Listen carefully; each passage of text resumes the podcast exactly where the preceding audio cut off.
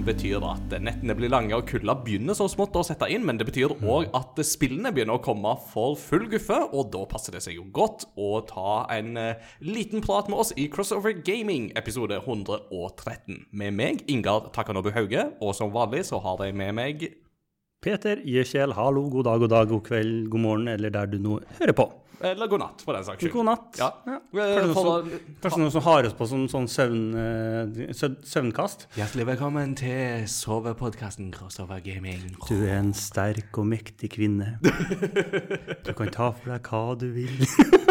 Joey er din beste venn. Så her er det referansefest for full guffe, vet du. Men vi er ikke alene, for eh, vi har eh, klart å dra med oss en programlederus emeritus med oss i dag. Det stemmer, det. En av de OG is back in the game, så velkommen, Christian Fonneland. Ja, jeg tok Jeg vant jo trønderkonkurransen til Peter Gjørsel da, i episode 100. Og det Nei, jeg tror jeg går på sisteplass, faktisk.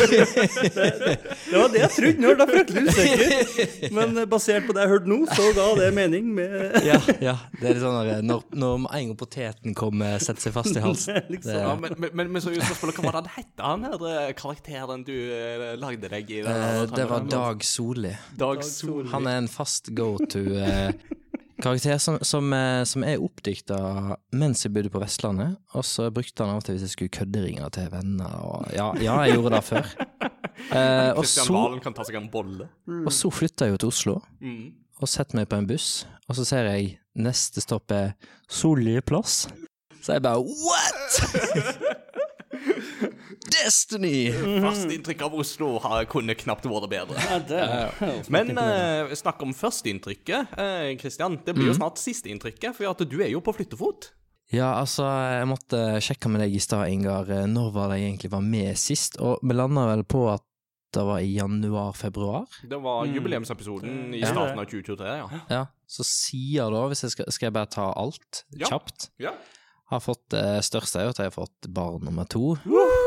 Yes. Vi, vi snakket rett før uh, record her at uh, Instagram-algoritmen min uh, på min feed den er helt ødelagt. Det er bare supersær humor som ASMR Godzilla. Som er, ja, det er veldig veldig funny. Og, og råd om det å være foreldre. Som er en sånn sær mashup.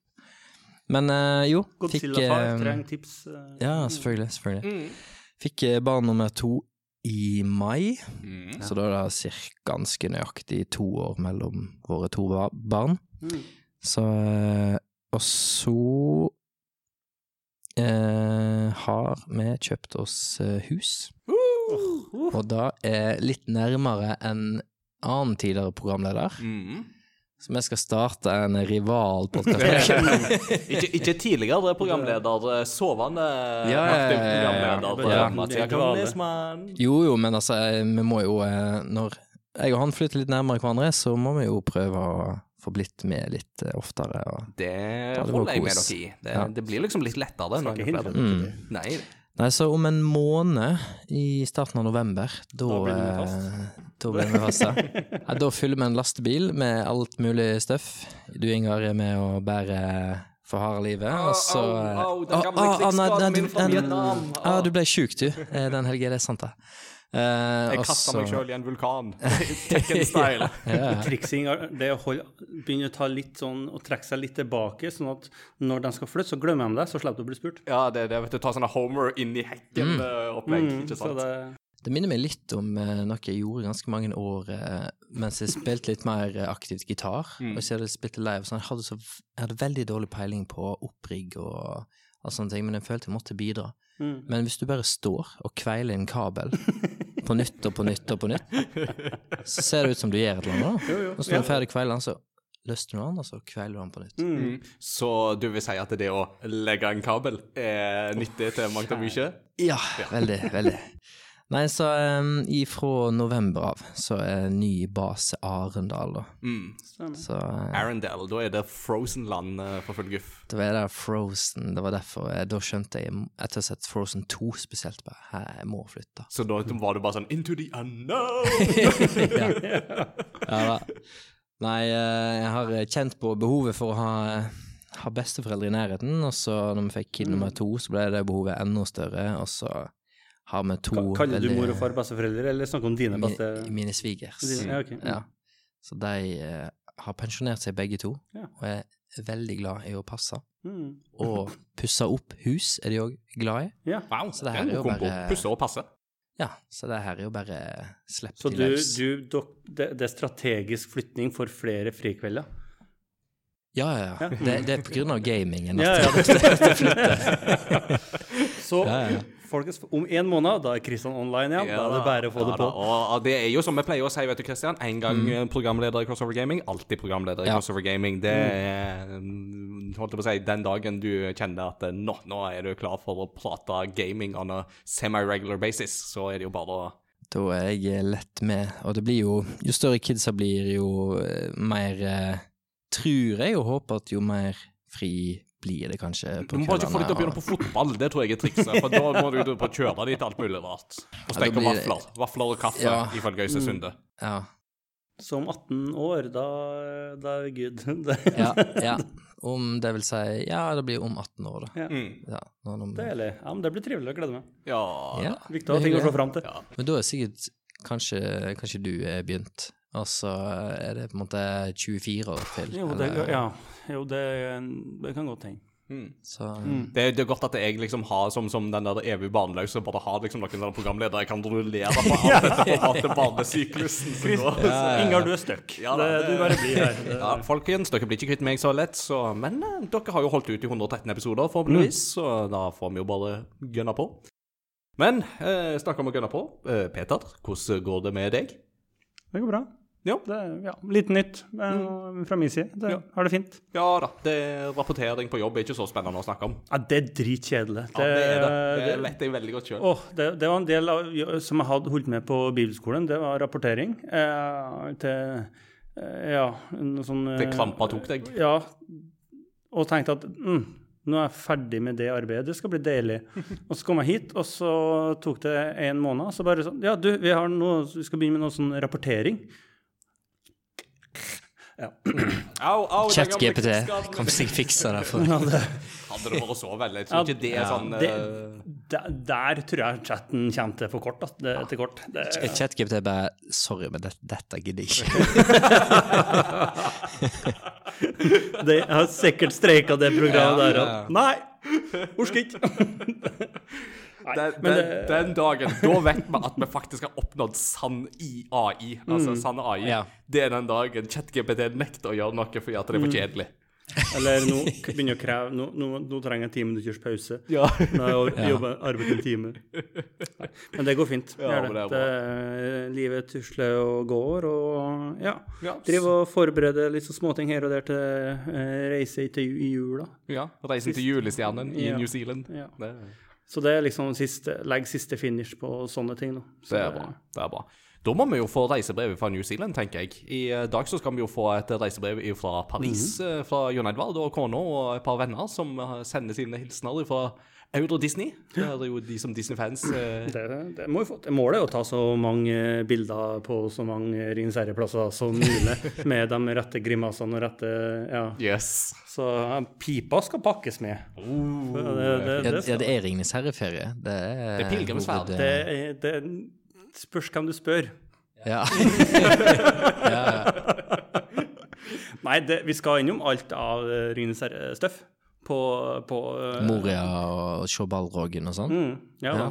Det er- Hvordan klarer det da når den brua Den brua er jo ødelagt? ja, Det blir ikke litt farlig da? det er mye dverger under siden. Nei, men uh, Balrogen er jo død. Sorry, spoiler. spoiler! oh. Så, ja. Nei, men det, så vi skal innom begge studio som har brukt, og en del forskjellige Kult. lokasjoner. Og um, på en dagstur hvor vi går blant annet Går forbi med Doom, blant annet. Og, oh, jeg er misunnelig. eh, Ah, ja, vi satt og så Ringenes herre til Ingar eh, sist gang, så Å, dit skal vi. Oh, Ja. eh, eh, Ingar, Ingar, dit skal vi. Ingar, dit skal vi. Vet dere hvor vi skal nå? Vi skal til kunngjøringer. Uh! yeah.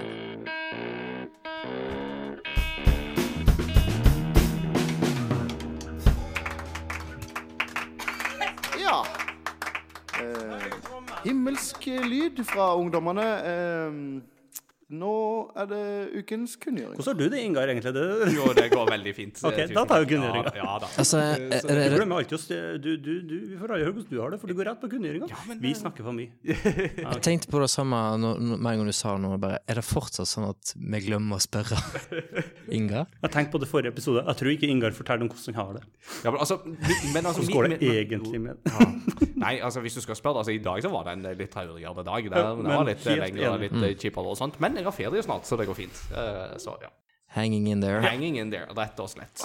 Eh, Men kunngjøringa? Når, da, mm, når jeg da får ferie, så skal jeg jo spille spill. Og eh, apropos spill, så skjer det jo litt ting i spillbransjen denne gangen òg. Ikke så mye som sist gang, men det som er det store stikkordet denne gangen her, det er oppsigelser. Det er jo oppsigelser i hytt og pine og gemeng og hva holdt jeg på å si, alle og nøkkens oldemor får jo sparken eh, for tida, tydeligvis. Og årsaken til det er jo blant annet at det er jo et nytt eh, finanskvartal som jo kicker inn eh, rundt 1. oktober, og da må man jo vise aksjonærene sine at det er jo da vi har fortsatt den der veksten som jo um, kapitalismen krever, så er det jo ikke så farlig liksom, om du lager bra eller dårlig spill. Det viktigste er jo at du har vekst, Uh, og det betyr jo at um, du kan få noen sånne situasjoner der du har sjefer på topp som får millionbonuser, mens da ørten utviklere får sparken av en eller annen grunn. Det gir Så mening. det gir jo mening. Så det har jo ikke notert det i nyhetene her nå, men eh, apropos det, så har jo en del av utviklerne fra CD Projekt Red, eh, altså utviklerne av The Witcher og Cyberpunk, har jo gått sammen for å danne fagforening, eh, som de jo vil ha med alle spillutviklere i Polen om. Og det kan vi jo absolutt støtte i den forbindelse der. Eh, Men bare for å ta noen sånne grove tall, da, eh, så er jo Epic Games er jo kanskje de som har sagt opp flest folk. For de sa jo opp 830 ansatte, dvs. Si 16% av staben sin. Og du skulle jo tro at Fortnite er en pengemaskin uten like, men de sier det at eh, for å være helt ærlig, den, vi har prøvd å få det til å liksom gå i pluss, men vi klarer altså Akkurat sånn som så ståa er nå, så klarer vi ikke det. Uh, Nei, den går, den går i, den, det, går, det går mer penger enn de tjener seg. Ja, de sier det. Eh, Men der har de vel fått en sluttpakke? Ja, jo Ja, Og, altså seks, og, Ja, jo, og helseforsikring jo ja, i seks måneder. Ja, stemmer. Hvilket er veldig uvanlig i USA. Det er det. Altså, de har fått litt mer enn eh, på å si, bare fyken på dagen. De, Ja. Det har de, så Ja. Så til sånn. forskjell fra andre spillfirmaer hvor folk har fått fyken, så har jo de her faktisk Mm. eh, fått noe.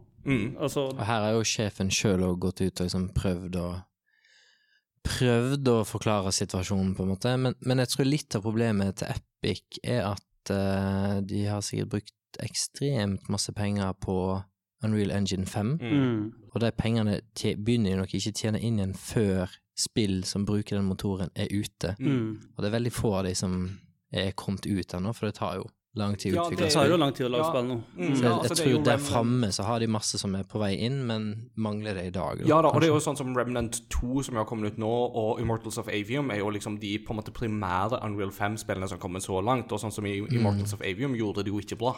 Nei. Så ble Og det liksom skader jo Epic igjen, fordi de har den modellen de har. Og, Mm. ja. Og så er det jo disse her eksklusivitetsavtalene deres, og gratisspill og sånne ting. Ja. Det, det koster jo penger, det òg. Det må man jo Det må man jo erkjenne. Vi kommer seinere tilbake til, eh, Det gjør vi. til kan, kanskje en annen eh, grunn til at det har gått sånn. Det gjør vi. Så, Absolutt. Mm. Men vi kan jo ta et par andre studio òg som har eh, måttet si opp litt folk her og der. Naughty Dog har kutta ned bruken på midlertidig ansatte, altså sånn contract workers. så Der er det jo 25 stykk som er ute. Eh, det er flere ansatte hos Telltale som òg har blitt sagt opp, selv om arbeidet med The Wolf of Us 2 visstnok fortsetter. Eh, de ga jo nylig ut The Expanse eh, før sommeren. Um, Og det tror jeg gikk sånn tålelig greit, men det er liksom en sånn historie som står i fare med å gjenta seg for Telltale Games. Eh, så det er jo litt sånn spennende å følge med på der. Og så det som jeg kanskje syns er holdt på å si, det grovere eksempelet, er jo da at du har da 13 QA-ansatte som har jobba med Dragon Age eh, Dreadwolf, og som fagorganiserte seg, og alle de har jo da blitt sagt opp i en del av nedkjærlighetsprosesser hos EA, eh, mens da utviklinga med Dragon Age Dreadwolf fortsetter. Så det er veldig sånn Så de bare kvitter seg med alle de fagorganiserte? de kvitter seg med de fagorganiserte, eh, rett og slett. Og den Den er kynisk.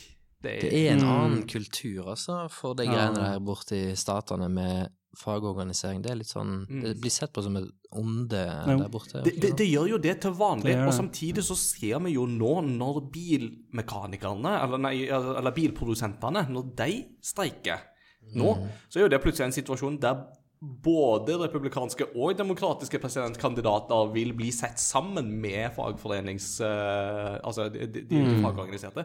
Det er jo sånn det hadde jo vært utenkelig i Reagan-tida, f.eks. Altså, Reagan var jo nok en av de administrasjonene som slo hardest ned på fagorganiseringer. Altså, Det var relativt greie kår sånn på 60- og 70-tallet. Da begynte de å få grobunn, og så kom jo Reagan-tida og bare knuste alt sett fagforeninger. Eh, Så det var jo en brutal utvikling, det, da. Så det kan jo hende at eh, ting er i gjære nå i USA òg, med på en måte den situasjonen man er i nå, rent økonomisk. Men samtidig, det, det sitter jo veldig dypt, dette her. Det gjør det jo. Ja. Men vi er ikke en politisk podkast og en eh, økonomisk podkast, er vi heller ikke. Så nå snakker vi om ting vi egentlig ikke har så veldig peiling på. Eh, Så er vi får gå videre til noe litt. Ja, ja, Ja, ja. Men vi får snakke om noe som vi kan litt mer om, nemlig Lego. For Yeah. eh, vet ikke Yeah. hva Nintendo-serien som får Lego-sett nå? Jo, Animal Crossing. Yes. Og det er jo en eh, fin match, må man si. Ja. Ja, ja, ja. Så nå kan du bli gjeldsslave hos Tom Nook i, eh, IRL. i et IRL, rett og slett. Men uh, husk at han tar ikke renter, så eh, Altså, sett ut ifra si 2023-perspektivet, så er jo Tom Nook sine lån egentlig ganske fine. Ja. Det kan det være at i Animal Crossing så ligger det en sånn pandemi bak som truer økonomien, og så derfor er det nullrente.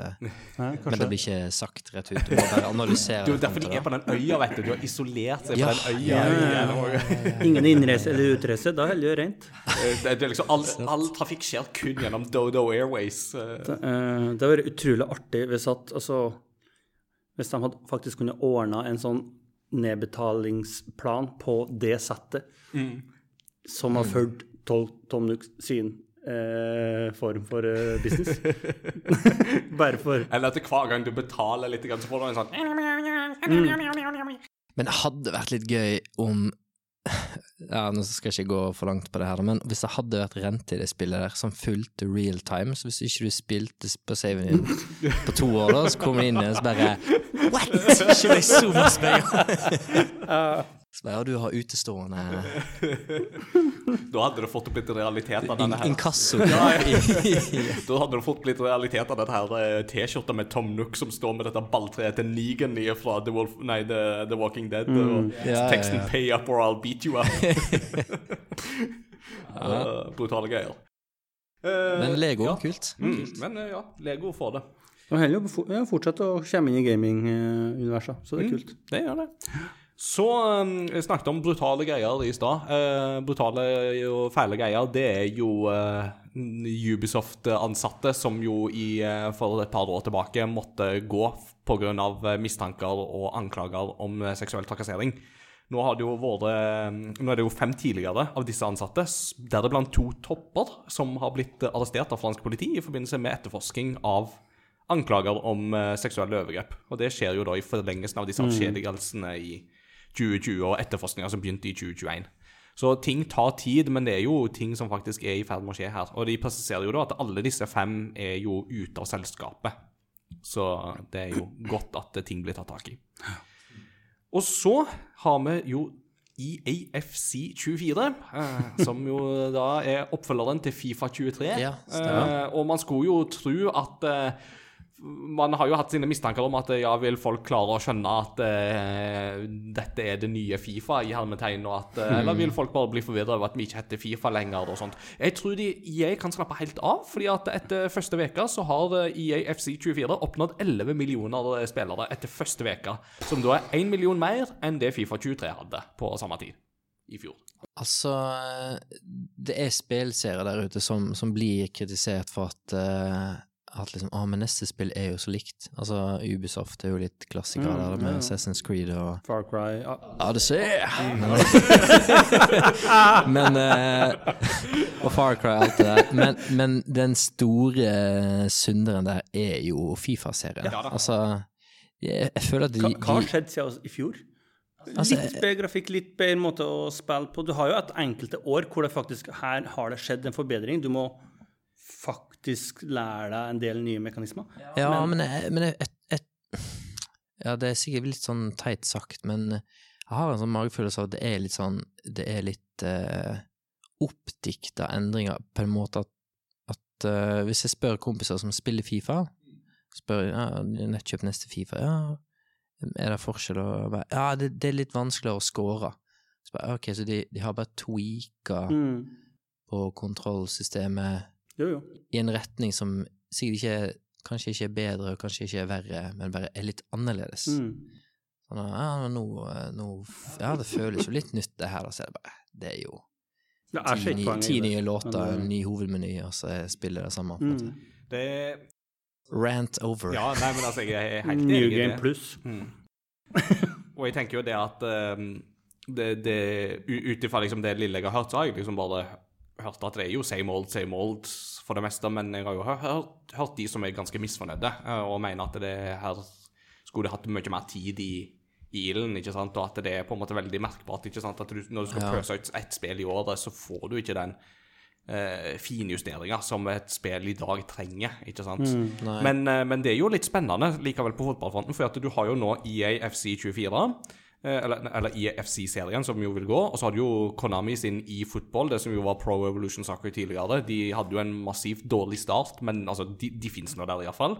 Mm. Og så har du jo Fifa sjøl, som jo sier at de skal lage sin egen serie, som jo godeste Infantilo, som jeg liker å kalle han, eh, sa det, at it will be the game for boys and girls to play.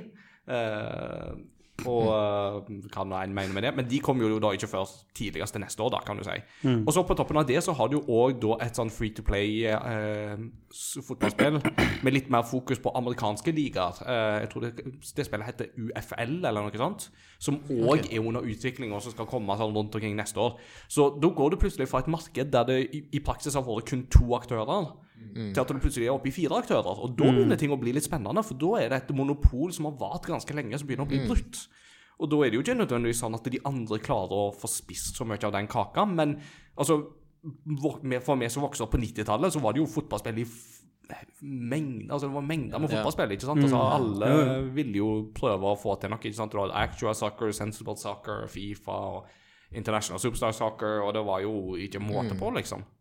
Så um, jeg tenker jo at det er sunt, dette her. For at eh, alternativet er jo at du får et monopol der EA eier alt, og da er du stuck med FUT, eh, som jo nå sikkert bare heter UT.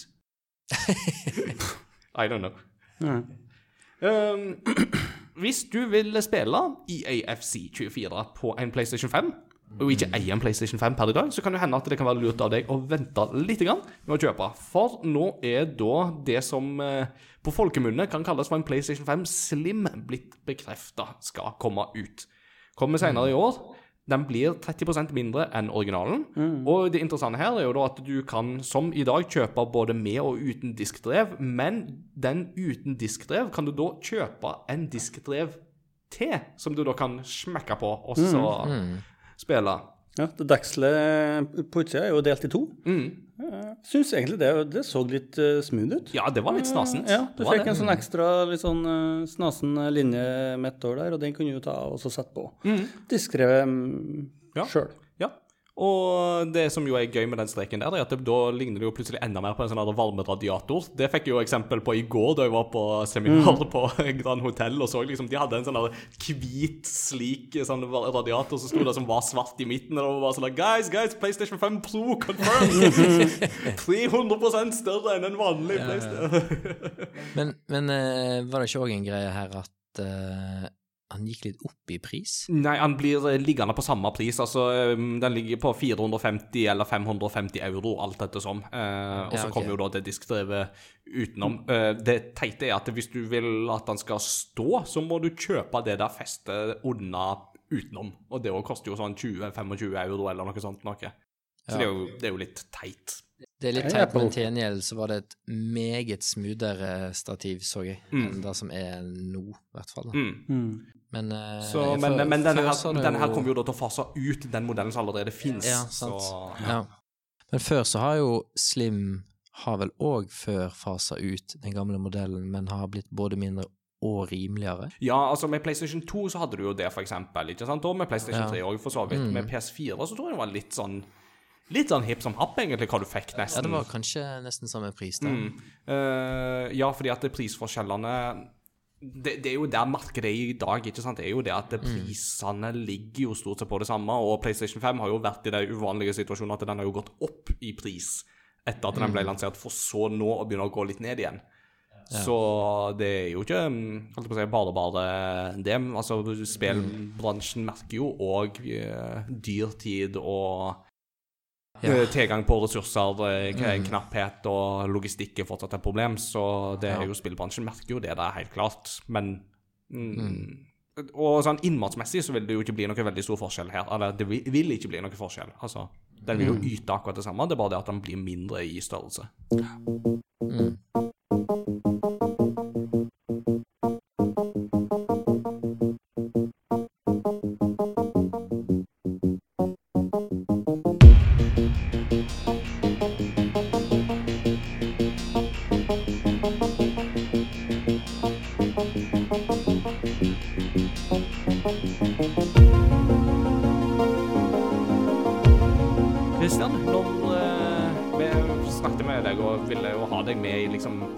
Eh, i eh, studio one last Yeah, time yeah. før eh, du drar din kos, så eh, var det jo litt sånn Ja, hva, hva skal vi snakke om, og litt sånne ting. Og da ville jo du gjerne snakke litt om dette oppstyret som har vært rundt grafikkmotoren Unity. Ja. Det er jo eh, Og da tenker jeg at du er jo rette mann til å snakke med om for det. Siden du jo tross alt har jobba litt i Unity, og jobber kanskje med Unity på en daglig basis. Ja. Det kommer vi sikkert litt inn på nå. Men eh, la oss bare på en måte begynne helt elementært og fra scratch her. Eh, kort fortalt, hva er Unity for noe? Eh, vi snakket jo om Epic i stad, og Unreal Engine 5. Altså Unreal Engine 5 er jo den her spillmotoren som Epic lager, og så har Unity en spillmotor som de lager som heter Unity. Og begge de to spillmotorene er, er på en måte tilgjengelig for alle, da. Så alle lyttere som hører på her nå, kan gå inn på nettsida til Unity og laste ned helt gratis Unity og teste, lage spill og til en viss grad gi ut spillet helt eh, gratis òg, da. Så Mm. Ja, og det høres jo ut som en kjempefin eh, et kjempegodt utgangspunkt Mm. for uh, små, aspirerende spillutviklere. Mm. Men, men Wait a minute! Yeah, But wait, there's more! For uh, det, det er jo en avtale som nesten høres for god ut til å være sann, ikke sant? Og så har de jo plutselig Har de nå plutselig i det siste klart å tirre på seg en del i spillbransjen. Og hvorfor oppsto dette her, la oss kalle det Unity-bråket? Ja, altså, jeg kan prøve å ta det litt sånn kronologisk, da, ifra eh, vårt ståsted, altså der jeg jobber eh, til, til daglig. Og eh, jeg husker ikke helt hvordan det her blir klassifisert, men, men hvis du er et profesjonelt studio, om det er et indie-studio eller et stort studio, da er ikke Unity gratis. Da betaler du en ganske stor sånn lisens eh, per hode, da, som sitter og bruker motoren. Og da har vært måten Unity har tjent penger på, at de Det er mange, mange indie-studio. Det liksom, Unity har vært liksom indie-studio-favoritt-engine, da.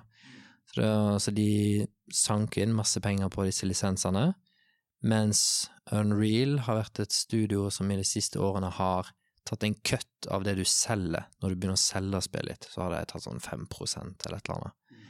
Eh, derav eh, kanskje Unreal Engine 5 eh, og Epic Games sliter kanskje litt med pengene fordi at det er ikke begynt å selge Unreal Engine 5-spill så bra ennå. Men eh, også eh, her om dagen, det er vel tre uker siden kanskje, så fikk eh, alle oss som satt på jobb, plutselig en mail av Unity hvor de hadde oppdatert pricing-modellen sin. Så åpna du mailen, gikk du inn, og så ble du egentlig bare møtt av eh, en sånn Google Sheet, eh, et skjema som var veldig vanskelig å tolke, men hvor eh, um, Hovedlinjene var vel at de skulle begynne å ta betalt eh, Ok, det var først ei grense, da. Hvis du ikke solgte for mer enn en viss sum penger, så var det egentlig ingen endring for deg. Men eh, for alle studioer som solgte for mer enn en million dollar eller et eller annet sånt, da, så begynte de da å tikke inn en avgift per installasjon av spillet. Eh, det var vel den store endringen. Eh, og så var det, var det, liksom- det var så li, Det var så um, tåkete lagt fram, da. Når du las det her, så satt vi igjen med 1000 spørsmål.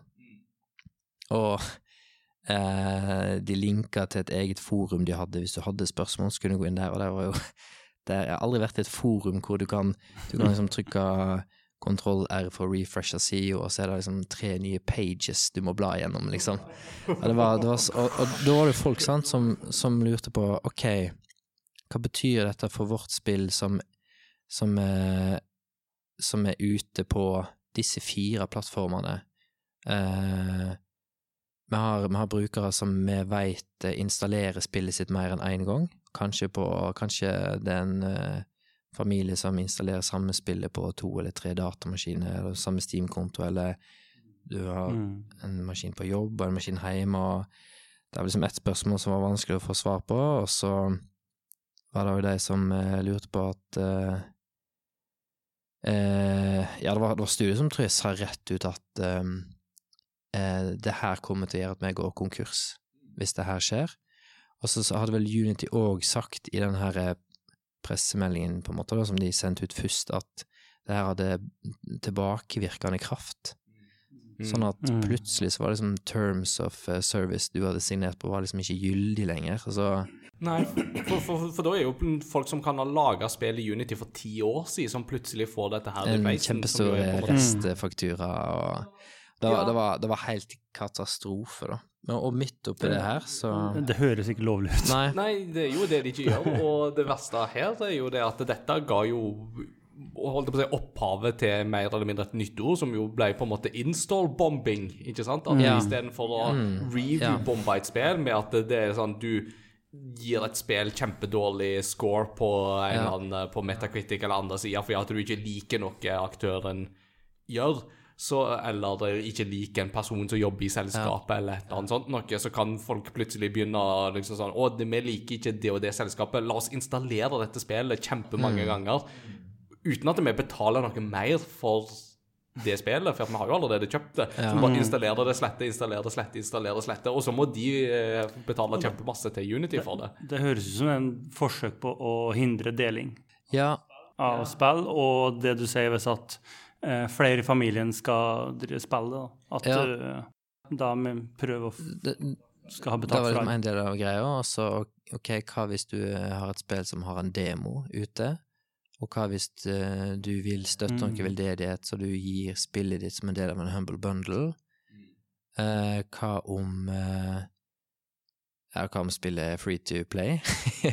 og, Ja, eh, og disse som spiller ikke gir deg noe penger for tjenesten du har laga.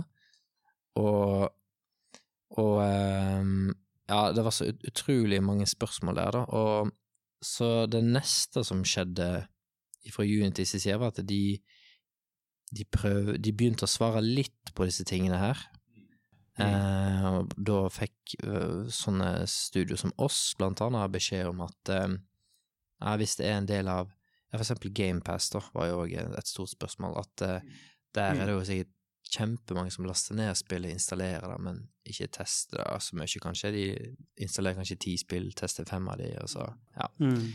Men der eh, svarte til at nei, hvis du har Apple Arcade eller GamePass eller PlayStation Plus eller sånn, da er det, da er det plattformer som skal, som skal betales. Så bare ok, men da kommer sikkert eh, Microsoft og Sony og Nintendo Nei, ikke Nintendo i det tilfellet, da, men eh, Apple og sånn, og kommer til oss studio og sier ikke, ikke bruk Unity, på en måte. Ikke sant? Um, det, det vil jo være lite lukrativt for deg. Ja, og så um, Apropos Epic Ja. Games. Det- Ehm, ja, så da eh, Men midt oppi det her, da, så, så husker jeg at jeg liksom satt meg ned og prøvde liksom å tenke at liksom ah, Ok, det her, det her er jo litt crazy, men, men hvorfor Hvorfor blir liksom spillutviklere så, så sure?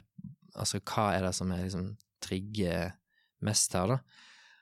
Og da, da tenkte jeg liksom litt sånn tilbake på jeg så jo forskjellige spillutviklere, sånn soloutviklere, som la ut filmer på YouTube og sånn om deres reaksjon og, og sånt, og én ting er at som spillutvikler så, så mange av oss bruker kjøp assets på en plass som heter Unity Asset Store, Mm. hvor eh, hvis du er en veldig dyktig programmerer og du jobber solo, men du er ikke så bra på 3D-ting eller grafikkting, så finnes det der, ting der som du kan kjøpe. Så, så mange av oss har sikkert brukt flere tusen i Asset Store over lang tid, som plutselig kanskje du ikke kan bruke lenger, for da at eh, Ja. Også i vårt tilfelle, Peter, så har jo vi har jo vi elever, hatt elever, som vi har lært opp. Vi har brukt tid og energi på å liksom lage undervisning knytta rundt dette verktøyet her, og elevene har brukt masse tid på det. Kanskje noen elever har videreutdanna seg og liksom gått all in ja, på kanskje på den motoren her, da, og liksom tatt en bachelorgrad og skal ut og finne seg jobb, og så plutselig så er ikke den eh, motoren så populær å bruke lenger. Det er liksom veldig mange Mm. lag der hvor en eh, som utvikler og og alt sånt uh, føler seg litt uh, ja, Man blir veldig skuffa, da, og uh, Mm. det er et uh, Oppsummert så er det veldig, kan- et veldig stort tillitsbrudd da, mellom utviklerne og, og Unity. Um, Ja, for jeg, jeg, jeg hadde jo følt meg sveket nesten hvis noe sånt som dette her plutselig hadde blitt kasta inn fra høyre side og bare Ja. eh, komme ut av ingensteds hen, på en måte, Mm. uten forberedelser og noen ting. Men så er jo også spørsmålet ok, men, men hvorfor, hvorfor gjør de det her, da? Vi toucha litt inne på det i stad, og jeg tror kanskje det er en fellesting her for både Epic og Unity, eh, i at ehm, jeg tror de siste årene så har både Epic og Unity ekspandert voldsomt i hva de prøver å være. Altså, Unity var en, en eh, lightweight uh, spillutviklingsmotor, hvor eh, som var veldig bra på 2D og kunne gjøre en del 3D. Og Unreal var en litt sånn heavyweight, da, og var liksom veldig bra på 3D, men du må ha en kraftigere datamaskin, og den var ikke så Mm. god på mobilfronten og alt det her. Mm, og så eh, eh, Sikkert et forsøk på å prøve å konkurrere mer med Unreal, så har liksom Unity prøvd å bli enda mer en heavyweight champion i eh, 3D-verden, og, og de ser at eh, Unreal eh, og Epic beveger seg inn i film- og serieverden med Star Wars-serien og alt de klarer å gjøre der, og Mhm. 3D-arkitektur og alt sånt, og, og da kjøper Unity eh, store deler av Weta, Weta Digital, som eh, Speak of New Zealand, som Peter Jackson starta. Mm. Eh, for å sikkert prøve å konkurrere der, sant, og så eskalerer det her, og så har vel til slutt eh, Unity på en måte kanskje bitt over altfor masse, og så er ikke inntektene der, da. Mm. Eh, så er det en kollega som liksom prøvde å liksom lese seg litt opp på det her, og da, han, han så at um, at halvparten av inntektene til Unity i dag er er ikke disse her lisenssummene de får inn, men uh, ads i uh, spillene sine. Mm. Så du kan gi ut um, Hvis du skal gi ut spillet ditt uh, Jeg husker ikke helt om du må ha ads hvis du gir det ut uten å betale Unity for en lisens, eller om det er at du sjøl kan velge det, altså deler du Unity på inntektene hvis du kjører ads i spillet. Men i hvert fall, altså, det var jo en reaksjon som skjedde underveis der, um, var jo at mange av disse studioene som har ads i spillene sine, gikk sammen og skrudde av ads-funksjonen, sånn at det da bare eh, kvelte de en del av plutselig inntektene til Unity, da. Og det var mange sånne ting eh, som skjedde underveis for å liksom prøve å få Unity til å gå tilbake på det her, og så, og så gjorde de det jo, da. Men da var et, Mm. det hadde vel vært så å si radio silent i to uker. Mm. Det er så Ja, lenge, og det, og det som også var litt oppsiktsvekkende, var at eh, etter det hadde gått to uker, sammenlignet med Epic, da, hvor eh, Tim Sweeney, ikke han heter, han gikk ut med en gang i front og sa dessverre, så tu, tu, tu, tu. Men her går det to uker, helt stille, og så er det en eller annen ansatt i Unity, ikke sjefen, som Nei. går ut og liksom beklager og forklarer greiene, og så går de tilbake på veldig masse De gir litt prisendringer, men det er masse mildere enn hva, hva som de foreslo i starten. da. Ja, ja for, la oss snakke litt om akkurat det. For at den avgiftsmodellen som de jo har landa på nå, er jo langt på vei mye mildere. Eh, med at det er en sånn at det kicker først inn under eh, etter en viss Ja. sum. Uh, og at det er snakk om en 2,5% eller eh, snakk om så og så masse, avhengig av på en måte hva som er mest gunstig for utvikleren. Og jeg har jo sett noen reaksjoner på det som liksom sier det at uh, ja, nei, for å være ærlig, altså Det de legger fram nå, er ikke så verst, på en måte. Men som du jo sier òg, altså, her har det jo vært et tillitsbrudd som har kanalisert dette her. Og så Hva tenker du om eh, det som på en måte legges fram nå? Jeg har jo lasta ned Unreal Engine siden det der skjedde, og eh, Godot, eller Godot, som er kanskje den største utfordreren til Unity, da.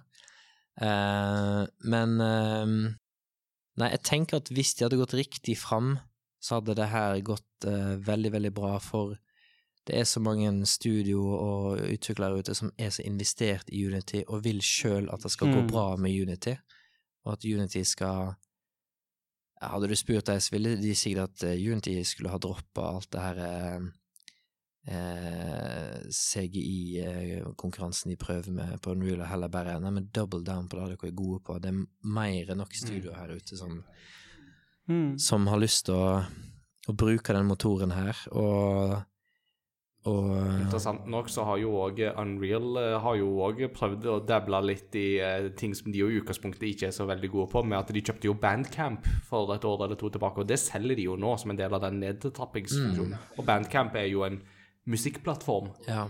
for å gi ut musikk, så det er jo ikke direkte knytta til det de er gode på, da. Nei, altså um, En kjenner jo litt på at um, eh, På jobb nå om dagen, da, så er vi på en måte um, for dypt nede i Unity med det vi holder på med nå om dagen, til at um, vi kan liksom ikke plutselig legge Unity på hylla og ta med oss alle disse prosjektene her over i en ny engine. Det må liksom bli en eventuell en vurdering eh, eh, når de tingene vi holder på med i dag, uh, er ute, eller vi bestemmer oss for å gjøre andre ting. Men, men da er vi jo igjen der jeg jobber, så er vi jo ti stykker hvor kanskje to-tre av oss eh, kan litt andre engines, mens alle oss andre er liksom det Unity vi kan, da. Og hvis vårt studio skal Arbeidet med å skal få Ja, Opplæringsarbeidet Ja, der er jo helt vanvittig det er jo ganske masse du kan eh, av, det, av det liksom Av håndverket du kan, som selvfølgelig er universelt, som du kan ta med deg over i en ny engine, men mange av disse enginene er ekstremt forskjellige i hva de kan, og hvordan Mm. du må gjøre ting, og ikke, ikke minst hva eh, programmeringsspråk du må kode i. Ja, for det er jo en vel forskjell med tanke på både Unreal og Unity. Jeg husker ikke hvilken av de som bygger på C++. C++, det er Unreal, ja. Mm, Ja, riktig. Så um, Nei ehm, Jeg håper jo at uh, Unity gir uh, neste året mass, mange smarte ting, sånn at de For de må Mm. nok aktivt vinne tilbake en del tillit, da. Jeg tror ikke jeg bare kan eh, De må på Ja, jobb. jeg tror ikke bare de Kunne ikke drive inn to uker på det. Nei, jeg tror ikke bare kan vente til liksom, stormen er over, for at uh, Mm. det er allerede ganske mange soloutviklere og studio som har sagt rett ut at så fort vi er ferdig med spillet her, neste spillet blir i Godot eller Unreal og Mm. ja. Det, er jo, eh, det har jo vært ganske kraftige reaksjoner. altså Studioet bak Cult of the Lamb for eksempel, de har jo snakka om å bare trekke hele spillet fra digitale plattformer og sånt. Uh, og studioet bak Slay the Spire, som jo holder på med sitt neste spill, de kom jo med liksom sin første sånn type sånn public statement om noe som helst, og som de sa liksom vi har aldri gjort vi har aldri kommet med en public statement om noe som helst før nå. Så Unity, dette er så ille, dere rota det til. Og de brukte litt grovere språk enn å si bare rota det til. Mm. Så det er liksom litt sånn, det, det reaksjonene har vært ganske haske i dette her. Så, så, så altså har på en måte Altså, vil Unity i det hele tatt klare seg i hele denne prosessen, er jo det jeg lurer på. ikke sant? Altså, Hva konsekvenser har dette for utvikling i Unity? mm, Jeg frykter jo at Unity òg må eh, komme til å ta en runde med layoffs, da. For allerede før uh, Epic sparka 800 stykk, så var så var Unity nesten dobbelt så mange ansatte. De er Mm. megastore i antall ansatte, i hvert fall. da. Jeg lurer på om de er over 7000 ansatte. Oi, det er mange. Men de har, de har kjøpt så masse i de siste årene. Ja. Og, men um, se- ja eh, Jo, en ting som er, kan bli interessant der framme, er at eh, Unity har sagt mm, Ja, altså i Unreal-verdenen så er det veldig sånn tydelig forskjell på Unreal-motorene. Det er jo, det er jo den, den som er ute nå. Den nyeste heter jo Mm. Unreal Engine 5. Det er ikke akkurat sånn til Unity. Unity så heter engine Unity 2022, 2023, og dot, Mm. og så et eller annet. Det siste som er ute nå, er liksom 2023.10, eller et eller annet sånt. Og så har vel Unity sagt at disse nye endringene som de nå har liksom landa på, de vil kun gjelde dersom du bruker Unity 2024 eller nyere. Så da kan det bli et interessant tre-fire år fram i tid. Er det mange studioer som på en måte som på en måte aldri gikk opp over Unity 2023, og så har Mm. sagt nei til mange nye features bare for at de vil ha den gamle pengemodellen, eller ja. Ja. Mm. Ja, det, det, for at det, altså, Enden på viset har jo blitt at de gikk jo vekk fra den her betale per installasjon-saken. Ja, og da, da glemte jeg å si at det da var litt sånn eh, et spørsmål i denne her greia at eh, ok, men hvordan skal Unity vite hvor mange installasjoner som er av det spillet her, og i hvert fall, jeg tror ikke de har tenkt igjennom at det her må de få gjennom EU, og Nei. strenge GDPR-krav og Nei, for det var jo min Ja. tanke i dette her. Det er bare sånn, Hvordan i huleste vet Ja. dere det? Når ga jeg min eh, avtale? Ja. Å ja. det var når jeg trykka 'I have read the terms and conditions'. Mm. ja, for det, det gjorde vi jo. Det er alle leser gjennom eh, punkt eh, 11 Det, det er jo som, eh, som eh, standup-komiker Eddie Izzard sier det. The greatest lie in the history of mankind is I have read the terms and conditions. Not even God has read the terms and conditions. Ja. Nei, ehm, hvis, de, eh, hvis de gjør en del riktige ting her nå, da, og vinner liksom den tilliten tilbake, så er fortsatt så er fortsatt Unity en konkurrent som Unreal Engine bør ha, for det at Unity er egentlig eh, Det her med som jeg sa med lightweight og heavyweight, eh, da merker du i det daglige, da, når jeg setter meg ned på jobb og åpner eh, Unity, eh, så tar det meg kanskje to minutter, og så er jeg i gang. Hvis eh, jeg tester det her om dagen nå på jobb, så laster jeg ned Unreal Engine, og så ifra jeg hadde lasta ned Unreal Engine og trykte Start New Project, så tror jeg det gikk 20 minutter til 30 minutter, og det var et helt tomt prosjekt før jeg var up and running. eh, Så liksom, eh, det du visuelt kan få over Unreal Engine, er jo veldig, veldig bra, men, men den, den er for heavy for mange situasjoner, på en måte, da. Så eh, Unity er egentlig eh, er en veldig, veldig bra eh, game engine, og det er jo tusenvis av dødsbra tutorials og masse bra i Unity Asset Store, og det er liksom et super, superbra produkt hvor de bare har, de har dumma seg litt ut, da. Så jeg håper Mm. at det ordner seg. Og så har det jo skjedd i går, eller, Ja. så måtte jo toppsjefen eh, gå. Ja, ja, for det var jo en nyhet som jeg sparte til Ja. nå, eh, for å liksom prøve å runde av denne platen. her, ikke sant? Det er jo det at eh, nå denne veka her så har jo John Richitello tråkket seg fra sjefsrollen i Unity med umiddelbar virkning. Eh, jeg har skjønt Det er jo ikke første gang han trekker seg eh, som sjef i et firma, så han går liksom litt sånn fra holdt på å si disaster til disaster, kanskje, men eh, Ja. det får bli tema til en annen gang. Eh, mens eh, en, som seg, en som heter James Whitehurst, overtar som midlertidig sjef, er jo det som er vår nyheten her. Så hva betydning får dette for hele Unity-bråket, og hva utfordringer står overfor Whitehurst nå når han overtar? Jeg er jo litt redd for at det er litt sånn uh, falsk uh, seier, på en måte, hvis, hvis det er folk som kjenner på, på det at yes, eh, der måtte synderen gå, eh, for å si det sånn. Men eh, for det er jo sånn at en CEO jobber jo for styret, Mm. Og mm, mesteparten av de som er i styret i Unity, kommer fra et annet selskap som heter Iron Iron Forge eller et eller annet sånt, jeg husker ikke helt hva det heter, men, men som Unity merga med for det her er noen år siden, da. Og de, eh, da, de var veldig gode på hva um, reklameinntekt i spill. Eh, og de har nok sikkert en veldig sånn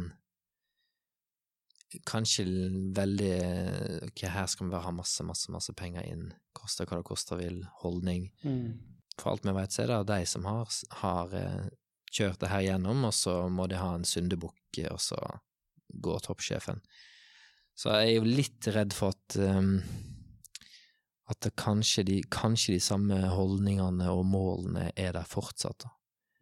Mm. Men uh, det virker jo på den uttalelsen til han uh, nye midlertidige sjefen at han Han virker som han var litt på ballen, da, og ja. Jeg vet ikke um, Det var jo veldig rart at han her gamle toppsjefen aldri sa noe. Det, men det er jo litt sånn eh, ja. Altså, ja, Ja. Det er jo litt sånn tegn i tiden òg, da. Jeg er jo litt redd for ikke sant, altså at du har liksom folk på toppen som roter det til, og så når de roter det til, så sender de ut en eller annen kommunikasjonsdirektør eller en kommunikasjonsansvarlig eller en sånn PR-person til å liksom måtte stå og skule rett og ta all tynen. Og sjøl så sitter de der eh, på toppen og ja, du må liksom Ja. own up eh, to your mistakes. Uh... Ja, det, det, er jo, det er jo litt det. altså, Det er jo ikke, holdt på å si, jeg høres jo plutselig veldig holdt på å si, mye mer radikal politisk ut enn det jeg kanskje er, men det, det er jo litt sånn at eh, Kom dere ut av sjefsstolene deres og still dere opp foran den mikrofonen og ta dette på alvor Ja, sjøl, liksom. Det blir litt sånn Det er nok Dag som er litt sånn ødelegger tilliten hvis når, når noe så på en måte dramatisk skjer, og du mm, prøver å få kontakt, så er det bare stille. Det mm. nok føles ikke så veldig bra. Så der var jeg nok kanskje litt sånn litt mer Det blir feil å si imponert, men jeg likte jo bedre måten Tim Sweeney gjorde, selv om nyheten var, en- var, var fæl, så var det jo en bedre måte å levere en sånn nyhet på, da, enn å sende ut en mail. By the way. Mm, ikke sant. Ja.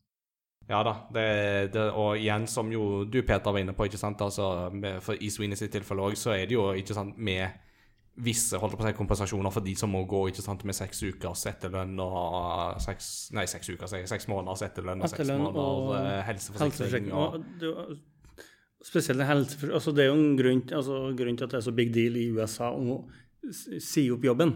Eh, Det er jo en egen sjanger det på YouTube og sosiale medier med folk som sier opp jobben på syke, absurde måter. fordi at når du har jobb i USA, så er det så ekstremt mye som goder som følger med, som du er avhengig av, bl.a. helse inn mot eh, helseforsikring og sånt. Så det at de har seks måneder med lønn, seks måneder med helseforsikring, da har du kjempemulighet til å finne en ny jobb, og det, det er jo som det skal være. ja, det er jo det. Og du, du- du har den roen du trenger.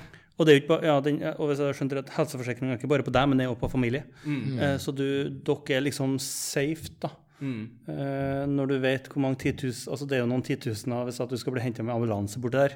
Ja, Eh, og så tror jeg òg at borti eh, Altså, hvis du har hatt Hvis du har jobba så så lenge hos Epic med Unreal Engine, så har du en ganske kul CV som eh, forhåpentligvis er det ikke så vanskelig å finne seg jobb etterpå. mm. Ja, en får jo håpe det, samtidig som at uh, spillbransjen er jo bare en av de siste i IT-relaterte bransjer Ja. generelt, som jo opplever veldig mye oppsigelser akkurat nå. Altså, det er jo Gamer eh, nevnte jo i dag at det er jo 6000 spillansatte som jo totalt har mista liksom, jobbene det siste året, på en måte. Og det er liksom det vi vet om, Ja. på sett og vis. Så, så det er jo klart at det, det og i, i flere IT-bransjer har jo sagt opp folk i både her og der, samtidig som at du har jo noen av disse firmaene går jo med ganske store overskudd likevel. Altså både EA og Microsoft eh, er jo blant selskaper som går liksom veldig med overskudd i alt dette her, så det er jo Noen steder fins jo pengene fortsatt, men det er jo Ja, som vi jo snakket om, ikke sant. Altså, det er jo hvem Altså de som får en del av disse pengene, er jo folkene på toppen, ikke sant? Så Det er liksom Nei, det er Ja, men akkurat det med helseforsikring, der kjenner jeg at der er jeg glad for at jeg ikke bor i USA. Altså. Og det Shit, du, eh, du, du, du, du, du vet jo litt om hva helseutfordringer vi har hatt i vår familie, Peter, så du kan jo ikke få deg hvor illestilt vi hadde vært hvis vi måtte betale det sjøl. Jeg har tenkt meg ambulanse for en måned siden, så Ja. det ja, hjert, hjerte, Hjertet sprang galopp. Oh. ja. Eh, men det kan vi ta. Vi kan, det, det er snakk om før i podkasten. Vi kan ta det i pausen. Ja, vi kan ta det i pausen. det skal vi ta, vet Så Kristian hører ikke på. på. Nei. Ikke alle eh, episoder. små- småbarnsfar. jeg, ligger, jeg ligger litt bak, men eh, I'm getting there. Men, Det er greit. Men, men Christian har jo nå da, som du sier, du, har, du hadde lasta ned både Eller du har prøvd Unreal, Ja, litt. Ja, ja, litt, grann, og så har du lasta ned Godot. Ja. Ja. Så mens vi venter på Godot, og hvor bra det er til å eh, jobbe med, så tar vi en eh, liten pause. Og i pausen så skal vi få et lite reisebrev fra Jon Edvard og kona Henny, som Ja. jo er i Euro Disney, eller Disneyland Paris, som det også heter på folkemunne. Eh, og så etter pausen så blir det enda mer Disney-snakk, og ikke minst kan man spille litt. Vi er straks tilbake.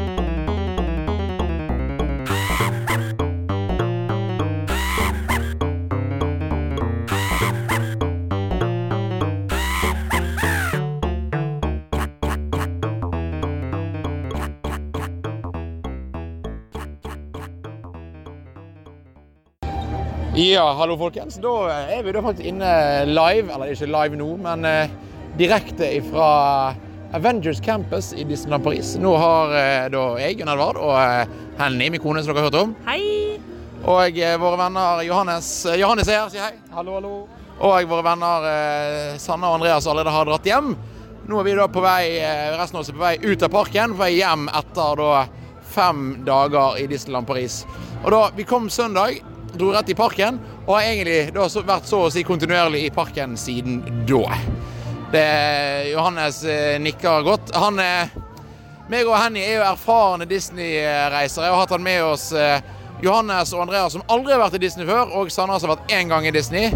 Og vi kan vel si at vi har utnyttet dagene fullt, men det har betydd at det har blitt ganske lange dager med ganske mye innhold. Det er veldig artig. Det, Johannes, har du, har du noen høydepunkter fra turen? Du er jo verken den største Disney-fan eller Marvel-fan, men du er ganske glad i Star Wars. Så hva har vært noen av dine høydepunkter? Nei, de hadde jo den ene Star Wars-attraksjonen eh, hvor du satt i eh, dette rommet og fikk oppleve en ordentlig space battle og romskipflygning. Yes. Og så bevegde rommet seg i, i takt med det som skjedde på skjermen. Og ja, det føltes ordentlig eh, hva skal vi si, realistisk og, og følte at jeg fikk være en ordentlig del av det. da. Så det var, det var ganske stort. Det er den som heter Star Tours, heter da den. Det var det at Henny, du du er jo definitivt fan av alt av Disney og Marvel og alt mulig rart. Eh, Kanskje ikke Star Wars, egentlig. Det er vel det du er minst fan av. Men hva, eh, hva er det Jeg høydepunktene vet dine? ikke om jeg er fan av Star Wars ennå, for jeg har ikke sett Star Wars. Så med andre ord, hvis dere vil at Henny skal se Star Wars, dere Crossover Gaming-gjengen, gå inn og Disney Genius sin Instagram eller Facebook, kommenter at Henny må se Star Wars. Men jeg har høydepunkt. Ja. Eh, altså Av rides da, så er jeg veldig glad i Crushes Coaster, som er tematisert etter eh, Crush i Nemo. Eh, og så er jeg veldig glad i Tower of Terror, The Twilight Zone. Eh, men eh, sånn eh, Ellers så er jeg veldig glad i eh, meet and greets. Veldig veldig gøy å møte Dr. Strange, faktisk. Av alle ting. Ja, det var litt morsomt, fordi at eh, det er jo sånn i Avengers Campus at du kan møte Avengers fra Marvel-universet. eh, og de spør deg alle sammen hvilken Avenger man liker best. Og eh, Dr. Strange ble grådig såret når ingen av oss fem valgte Dr. Strange. Eh, og når han spurte hva, vi var kreft, hva kreftene hans var, så glemte det litt. Så sa han var en magician, og da ble han litt fornærmet. Så det, eh, men han, han, det var jo litt gøy å få litt sassy fra selveste Dr. Strange, da. Ja. Og så syns jeg generelt at showene her er veldig, veldig gode, da. Skal det òg nevnes at eh, for de som ikke har fått det med dere, så har da meg og eh, Henny har en Disney-podkast som heter Disney Genius. Og hvis du skal høre mer av meg og hun snakke om det der, så eh, er det bare å eh, sjekke inn. For min del så må jo et av høydepunktene være hele Avengers Campus. For greiene det, og da jeg som er Marvel-fan, og spesielt Marvel Cinematic Universe-fan, så er det å komme inn der Det er som å ta et steg inn i universet hvor superheltene slåss på takene, og de går rundt i gatene, og eh, det er veldig tro til den designstilen med teknologien og alt fra veggpynt til at det står en svær Quinjet midt på området. Så det å bare være i Avengers Campus og se litt superheltliv, det var ordentlig, ordentlig gøy. I tillegg så må jeg da nevne Together, som da var eh, et musikalsk Pixar-show med live musikk og eh, selvfølgelig da eh, opptredener fra eh, Mike og Sully fra Monsterbedriften, Woody, Buzz, Bo Peep og gjengen fra Toy Story. et Rex, som jeg ikke tror vi har sett før. Eh, gjengen fra Se opp, og det var rett og slett Pixar musikkopplevelse som var ordentlig tøff. Og igjen, det er live musikk, og det var ordentlig bra. Og igjen, det er gøy med meet and greets. Uh, ja, det har vært mye gøy. Men ja, Avengers og Together tror jeg er favorittene. I tillegg til noe som meg og Henny er veldig glad i, som vi også har fått med vennene våre på denne gangen her. Pin trading. Greien er da at du kan når du er i Disneyland Paris, eller alle, alle Disney-parker, så kan du kjøpe Disney-pins. Eh, men du kan ikke bare kjøpe de, du kan også bytte de med de som jobber her. Og for så vidt andre måte, som går rundt i parken. Eh, og jeg for noen år siden begynte med dette og kjøpte en pakke med pins og shuttle pins. Men jeg har ikke kjøpt en eneste pin på denne turen. Men jeg har byttet til meg seks nye pins fordi at jeg har gjerne hatt pins jeg har kjøpt Eller sånn, jeg har gjerne kjøpt en billig pakke og byttet meg oppover. Eh, Så det er en ganske artig måte å få pins som eh, er ganske sjeldne, eller pins som du ikke får tak i lenger, eller pins du aldri hadde sett hvis ikke du hadde spurt en, en som jobber her om bytte med deg. Så uh, pintrading, veldig, veldig gøy. Together og det andre showet, Mickey and the Magician, som er mer sånn Broadway-musikal-type. Veldig, veldig gøy. Gøy å møte alle karakterene. Vi har møtt Mikke, vi har møtt Minnie, vi har møtt Darth Vader. Vi har som sagt møtt uh, Dr. Strange, og vi har møtt Spiderman. Vi har møtt Stitch, vi har møtt en hel haug med folk. Og vi har tatt masse rides og berg-og-dal-baner. Så det, eh, det var mitt lille reisebrev. Nå håper jeg at eh, Ingar og eh, resten av gjengen klarer å holde fortet i Crossover Gaming, og vi snakkes når jeg er tilbake igjen.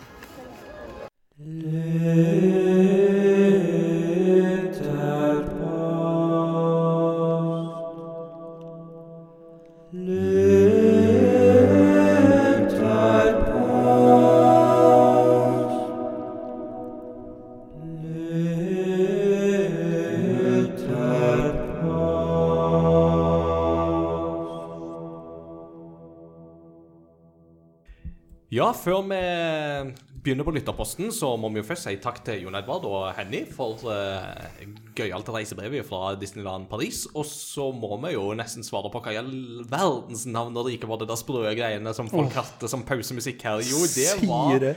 det, Tror det eller ei, men det er faktisk fra Spiderman The Animated Series-spelet til Sega Megadrive fra 1995.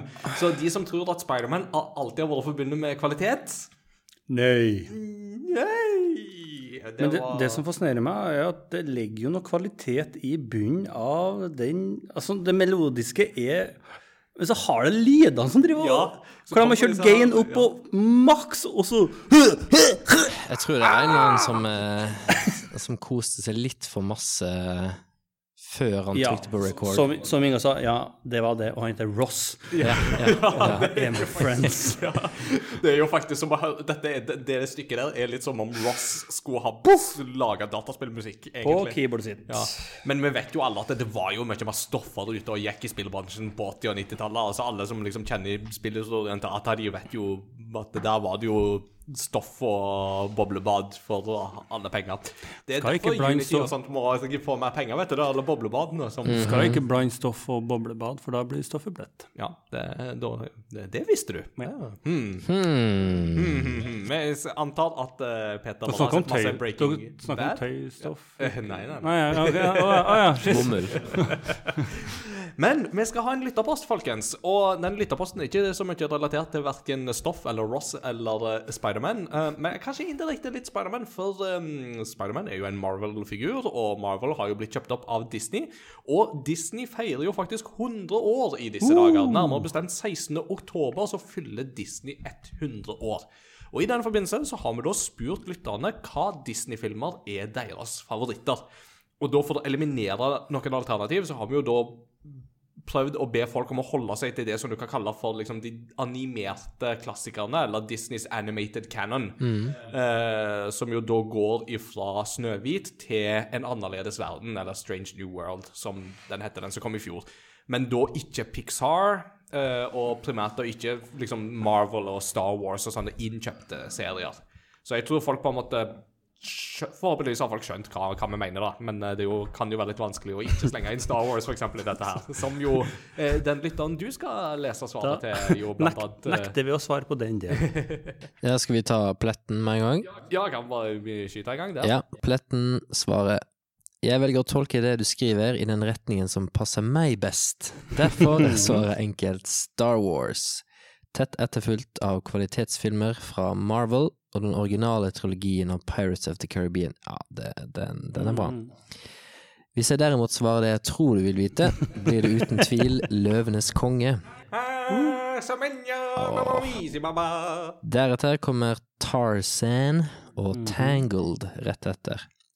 De to første vokste jeg opp med, og jeg har ikke tall på hvor mange ganger jeg så og spolte rundt i Løvenes konge-filmen som liten, til tross for gjentatte advarsel fra pappa om at jeg ikke bør spole på en videokassett mer enn nødvendig. Stemme, stemme. Tarzan var for øvrig den første filmen vi hadde på DVD. For en tid å vokse opp i. Exploding head-emoji. Eh, Det er også et naturlig hopp i tid fra Løvenes konge og Tarzan til Tangled. Den så jeg på kino to ganger på videregående. En kompis og jeg hadde boltret oss med gode plasser i Gromsalen KP1 i Bergen kino. oh, det er en bra sal. Til en formiddagsvisning etter en kort skoledag, og så filmen nesten alene. Sammen med oss var det et bursdagsselskap av tiåringer. Vi lo høyest. Akkurat det, det med å le høyest på en sånn film, det er litt den opplevelsen jeg hadde med Cars 2 i sin tid. Eh, for da var vi på en sånn visning som var litt sånn tidlig på dagen, på engelsk. Og de eneste andre som var der i salen, det var noen unger som nok forhåpentligvis skulle ha vært på den norske visninga eh, av den filmen. stemmer. Men uh, vi lo høyest, spesielt den delen av Cars 2 som jo foregår i Japan. Ja. For vi var flere Sjokk. som var der som hadde vært i Japan, og kjente igjen veldig mange sånne små detaljer, sånn som det at de kjøper bildekk på brusautomater og sånne ting, for eksempel. Hadde litt uh, likens med uh, Big Hero 6. ja. Ja. Den så jeg for første gang på fly fra, um, på vei til Kenya med høgskolen på, på Fjellhaug. Og da satt jeg på sida av eh, Camilla, som gikk i klassen, og, og vi hadde begge lyst til å se den. Eh, det er jo en artig film. Ja, ja. Hvis, og, og, Harry baby. Harry baby. altså, den er helt fant... Altså, den er undervurdert. Nå så Ja, sykt. den er bra. Eh, anyway, uh, og eh, når du ser en film, så mm, hvis personen ser samme film, og så flirer han, eller hun, og så sitter jo du og venter, ja, så da var liksom å starte nøyaktig samtidig, og vi holder på å daue. Så, altså vi flirer så mye i løpet av den, av den filmen. Og det sa jeg jo til deg, en liten fun fact, og det er jo at den statuen som eh, Baymax kjører hansken og maltrakterer i den filmen, det er jo en viss prins fra Frozen. Yes. Mm. Kjempedeilig! Det er så gøy. Veldig tøft. Men, da, så da satt vi på flyet, flyet og vi flira så gærent at de som våre klassevenner eh, holdt god avstand etter så mye Ja, de var ikke med oss. oh, det er så On a scale of 1 to 10, how would you rate their pain? Si. Kanskje, um, siden du var så godt i gang nå, eh, vil Ja. du ta et uh, svar? Jeg tar kumlesoppen, jeg. Ja. Christian. Ja. Eh, for der, altså, et kongerike for Et kongerike for en lama. Feil spake! Å, for en film det. Jeg har aldri ledd så masse i en kilosal som da jeg så den. Føler den Her, her er en rød tråd! VHS-utgaven, fortsatt en rød tråd, var øverst på ønskelisten til jul det året, og ønsket ble oppfylt. Oh. Det er ikke en rød tråd. Jeg rev av plassen og hev den inn i videospilleren samme kveld. Lite sidespor. Skuffelsen var stor da jeg oppdaget at noen på fabrikken hadde pakket feil, og det var Ole Brumm som viste seg på TV-skjermen. What? Åh, skuff. Shit. Snakk om å gå i krasjlanding på jul, om det er ikke mor og fars skyld. liksom. Fikk heldigvis bytta til riktig film på tredje juledag. Den filmen ble sett minst ukentlig i månedsvis og jevnlig i årevis. Altså, det, det var i hvert fall ikke en gamebox, da. Da kan han Nei, trøste seg liksom Eller, eller, eller, eller den eh, enda verre tilfellet med de som tror de får en veldig uskyldig film, og så viser det seg at denne filmen burde helst vært sendt etter midnatt, eh, med sladd. Det Ja. ja. Bonussvar, hvis vi kan legge til en kategori favoritt som kom ut etter år 2000, er svaret Vaiana. Etter min smak er det eneste 3D-animerte film fra Disney hvor animasjonen føles like bra som de håndtegnene fra 90-tallet. Ja, spennende. Mm. Og jeg, ben, Benjamin Benjo svarte What can I say except you're, you're welcome? welcome. Men ja, Vaiana, åh. Ja, altså absolutt en god film. Og jeg husker fortsatt det var veldig gøy og en ene gangen Jeg lurer på om du var med i, i Misjonssalen. Jeg skulle steke vafler. Og da um, hørte på de som skulle spille på gudstjeneste den dagen, som øvde til en eller annen lovsang. Og den akkordrekka var jo akkurat den samme som I've been standing on the edge of the water Og jeg bare sånn Hæ, skal vi synge Vaiana? Skuffelsen var stor da det viser seg å ikke være tilfellet. Um, Sjokkels, sjokket tror jeg var enda større til de gamle. Hvis at Oh yes. Eh, En, en gøyal ting med Pletten nevnte jo Tangled, og altså den filmen var jo blant de holdt på å si, dyrere animasjonsfilmene som eh, hadde kommet ut da den kom, fordi at håret var jo så voldsomt bra detaljert animert, ja, og er jo det fortsatt. Ja, det er en kjempefilm. Mm. Ja, altså, det Jeg føler det, det, det, Ja, vi snakker om Disney. Det er kjempe Det, det, er, my- altså, det er mye bra. Ja da. Det- og, vi, det- og vi skal jo dele våre egne favoritter òg, så det kommer vi tilbake til. Men før vi kommer så langt, så får vi en eh, minidisputas fra Eirik, som jo kanskje er en av de største Disney-fans jeg eh, kjenner utenom Jon Edvard. Det kan jo hende. Ja, nært. For et stort spørsmål! Som mange andre har jo vokst opp med Disney, og det har og det har jeg brukt mer tid på enn den jevne nordmann. Og det jeg har brukt mer tid på enn den jevne nordmann, er musikken. Disney-musikk har vært med meg på alle mine brenne-CD-er, MP3-er, mobiler, spillelister på Spotify, og ligger hjertet veldig nært. Jeg har enda til gode å bli slått på quizer en finner på YouTube hvor de spiller Disney-musikk, og det er om å gjøre å si sangen og filmen den hører til først. Men jeg mistenker at både Benjo og Nerdy Norwegian, altså Jon Edvard, kunne gitt meg konkurranse. Er denne kommentaren ment som hemningsløs selvskryt? Litt. Men det er mest ment for å uttrykke hvor utrolig glad jeg er i musikken fra Disney. Derfor blir rangeringen av filmer hos meg vektet slik. Musikkens betydning for meg 60% med historien 25% og animasjon 15% Ja, så her har han lagt fram eh, metoden for eh, sin uh, avhandling. Og etter den målestokken er førsteplassen delt mellom Tarzan og Mulan. Ja. Tarzan først. Historien er vakker og skummel. Animasjonen er superb, med nydelig blanding av for sin tid nyskapende 3D og 2D, og Phil Collins er et geni. Phil Collins, altså. Har du et nyfødt barn i nærheten, anbefaler å plukke det opp med en gang og sette på You'll be in my heart mens du bygger det. 100 av 10 opplevelse. Disclaimer. Be alltid om tillatelse fra de som har ansvaret for barnet før du plukker det opp. Jeg vil ikke lese i Dagbladet om en gal Disney-fan på T-banen som plukker opp et random barn. Ah, ah, ja, okay. Eh, det, da. Mulan. Det nærmeste Disney kommer en thriller. En nydelig stemmeskuespill for Mushu. I'll Make a Man Out of You og Reflection er fantastiske på hver sine måter. Animasjonen er vakker, og sist, men ikke minst, Asia! Hjerte-hjerte. Visste dere at Mulan-diktet omtaler kongen i landet som khan og ikke keiser? Og at det derfor er grunn til å tro at Mulan var mongolsk. Veldig artig. Andre jeg gjerne skulle tatt med Lilo and Stitch. Rå musikk, historien er det frisk pust, og animasjon er koselig. Altså Ohana. Atlantis. Aladdin, Tangled, Hercules, I Can Go The Distance var alltid fin for tenårings-Eirik. Løvenes konge, Ringene i Notre-Dame, Encanto, mange flere.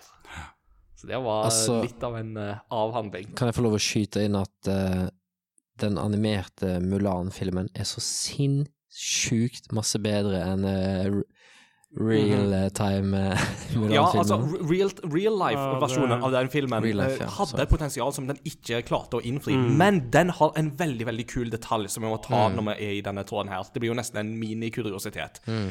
Og det er at når Mulan i real life action-filmen har slått Shan Yu og um, disse si, mongolene, slash hunerne, eller hvem det nå Mm, enn er i den filmen, så blir hun jo brakt opp til keiserens palass, Mm. og så blir hun presentert for hoffet av en kvinnelig holdt på å si, hoffansatt, eller hva vi skal kalle det, som presenterer Fa Mulan. Og hun som da spiller den rollen som den presentøren, som da liksom veiver med armene og viser den nye Mulan, det er Ming Na Wen, som jo var stemmen til Mulan i animasjonsfilmen. Så Ja. den gamle Mulan Ok, det- presenterer da den nye, og på en måte kan du si leverer batongen Ja. videre. Og det i seg sjøl syns jeg er så kult at det er litt sånn Uansett hva du liksom måtte tenke om filmen som en helhet, så er det, det er sånne små detaljer som for en sånn filmnerd som meg bare liksom løfter opplevelsen litt opp, da. Nei, altså ikke for å gå uh, for dypt i det, men bare hele den animerte Mulan-filmen handler jo om uh, Ja, liksom hele hennes kamp mot uh, Ja, mot både det å liksom være jenta i hæren, men òg at eh, å bli som en god nok soldat, og det er, liksom, det er sånn vanvittig oppoverbakke. Og så kommer du til den real life Mulan-filmen, og så bare er alt det her medfødt. Zero effort, all gifts. Mm. Og så bare Ok, men nå er hele motivasjonen som liksom driver og gjør at du liksom sitter på sidelinjen og bare heier på Mulan fra animasjonsfilmen, er bare pjo, borte. Så sorry, rant over. Og så er kampscenene utrolig dårlig. Ja, men, men det er så da, mye klipping. ja, for da er det jo Du får ikke med deg hva som Nei, skjer. også- Du må lage liksom Du må, du må, du må brodere ut. Ja. Du ser slaget starte, Og så siden flyr en person. Og så siden, all, siden hun måtte ikke har hatt en sånn voldsom Som eh, eh, kurve, sånn, så, så er liksom det er ikke noe Det er ikke noe risk, eller det er ikke noe Mm. sånn Det er ikke en eh, Ja, nei, Ja. det mindre Og, og, det, og, det, og det er jo noe med at vi blir jo òg litt bundet opp til den animasjonsfilmen fra 98 òg, som jo Ja, jeg jeg er veldig glad i. Og det er liksom noe med at det blir ikke helt det samme uten at du har Eddie Murphy som sier Dishonor on you! Dishonor on your cow! Dishonor on Ja, um, sun to your whole family! men det, det, det er en bedre historie. Eh, men uh, vi fikk en Kostein kort uh, ja. Vi, har, vi har to korte igjen. Jeg bare ja. smeller opp uh, dem. Ja. Eh, Godspark han skriver Hercules liker godt narrativet og sangene. Spillet var også bra. Yes, Og der har du en sånn utrolig god eh, kvalitet. Mm. Og så eh, Skorpus, han jeg skrevet 'Innser nå at jeg antagelig er for sein'. Ja, Nei da. Da får ikke han svar fordi at han skrev. Men, gifte og på lyttepost, med svar likevel. Det, det liker vi. Ja. Altså, vi leser jo lyttepostene, så om du tror du er for sein, uh, så, leser vi dem. Mm. Eventuelt er du heldig å bli med læl. Så nå blir du med læl. Ja. Det betyr likevel. Løvenes konge. Læl? Hva, hva er læl for noe? Løvenes konge, skrev han. Eh, tangled film og spill. En annerledes verden. Og til slutt Lilo og Stitch. En uh, fin og variert poteri der. Ja. Men uh, la oss ta våre favoritter i dette her, da. Eh, Peter, ja. hva, hva i Disneys 100 år lange historie av deres animerte langfilmer er det du vil eh, sette høyest? Det er jo en kortfilm, da. Ja, det er en kortfilm. Uh, for meg så tar det sånn høyt opp. Mm. det- og da eh, Altså, som Erik skrev, altså Phil Collins, den jobben han har gjort i den filmen, med den musikken, med den særegne stemmen han òg har, og ja, jeg syns den det er liksom den, når jeg som liten, den musikken som jeg husker på fra, veldig godt fra Disney. Eh, og jeg har alltid vært utrolig glad i, i, i den. Og så er jeg òg utrolig glad i Big Hero 6. Eh, Ja, den pitcha jeg jo i stad, syns det er en undervurdert eh, Eller en, en film som gikk litt i glemmeboka fordi en del andre store filmer som kom, men som er Jeg, hysterisk jeg og kona så den om igjen for et par uker siden, og det var jo fortsatt en fest og en glede. Flire skakk av den i, filmen. Jeg vil bo i San Francisco. Å, fytti snakkes. Og når, når Big, eh, Big Max går tom for batteri, Here, baby, here, baby. We jumped out a window. Og det er kjempeartig som voksen, og det er kjempeartig som unge. Ja, ja. Du tar ikke alltid sammen Du tenker ikke likeens, men det er helt nydelig. Og- Helker, your personal baby. Og så vil jeg ta den, siste jeg vil trekke fram eh, Du kan, altså, du kan treffe fram sikkert eh, 40 til. Eh, det er en film som jeg ikke så før jeg var voksen. Fordi at jeg var, Den kom liksom sikkert i en alder når jeg var sånn Nei, eller fikk høre om i hvert fall når jeg ikke sånn Nei, det var litt barnslig og teit og sånt. Uh, så det som voksen. Digga den filmen. Og det var eh, Et kongerike for en lama. Den så ikke jeg før jeg var voksen. Mm. Og blir jo litt sånn, eh, du, du, du, blir ikke, du vet ikke om du er glad for at du fikk den gleden som voksen, eller blir irritert over alle åra du har gått glipp av å se den filmen. Eh, men den syns jeg er òg hysterisk.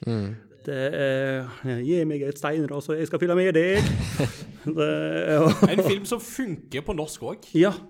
For et ordentlig håndtrykk trenger du hender. Squeak, squeakity, squeaky, squeak.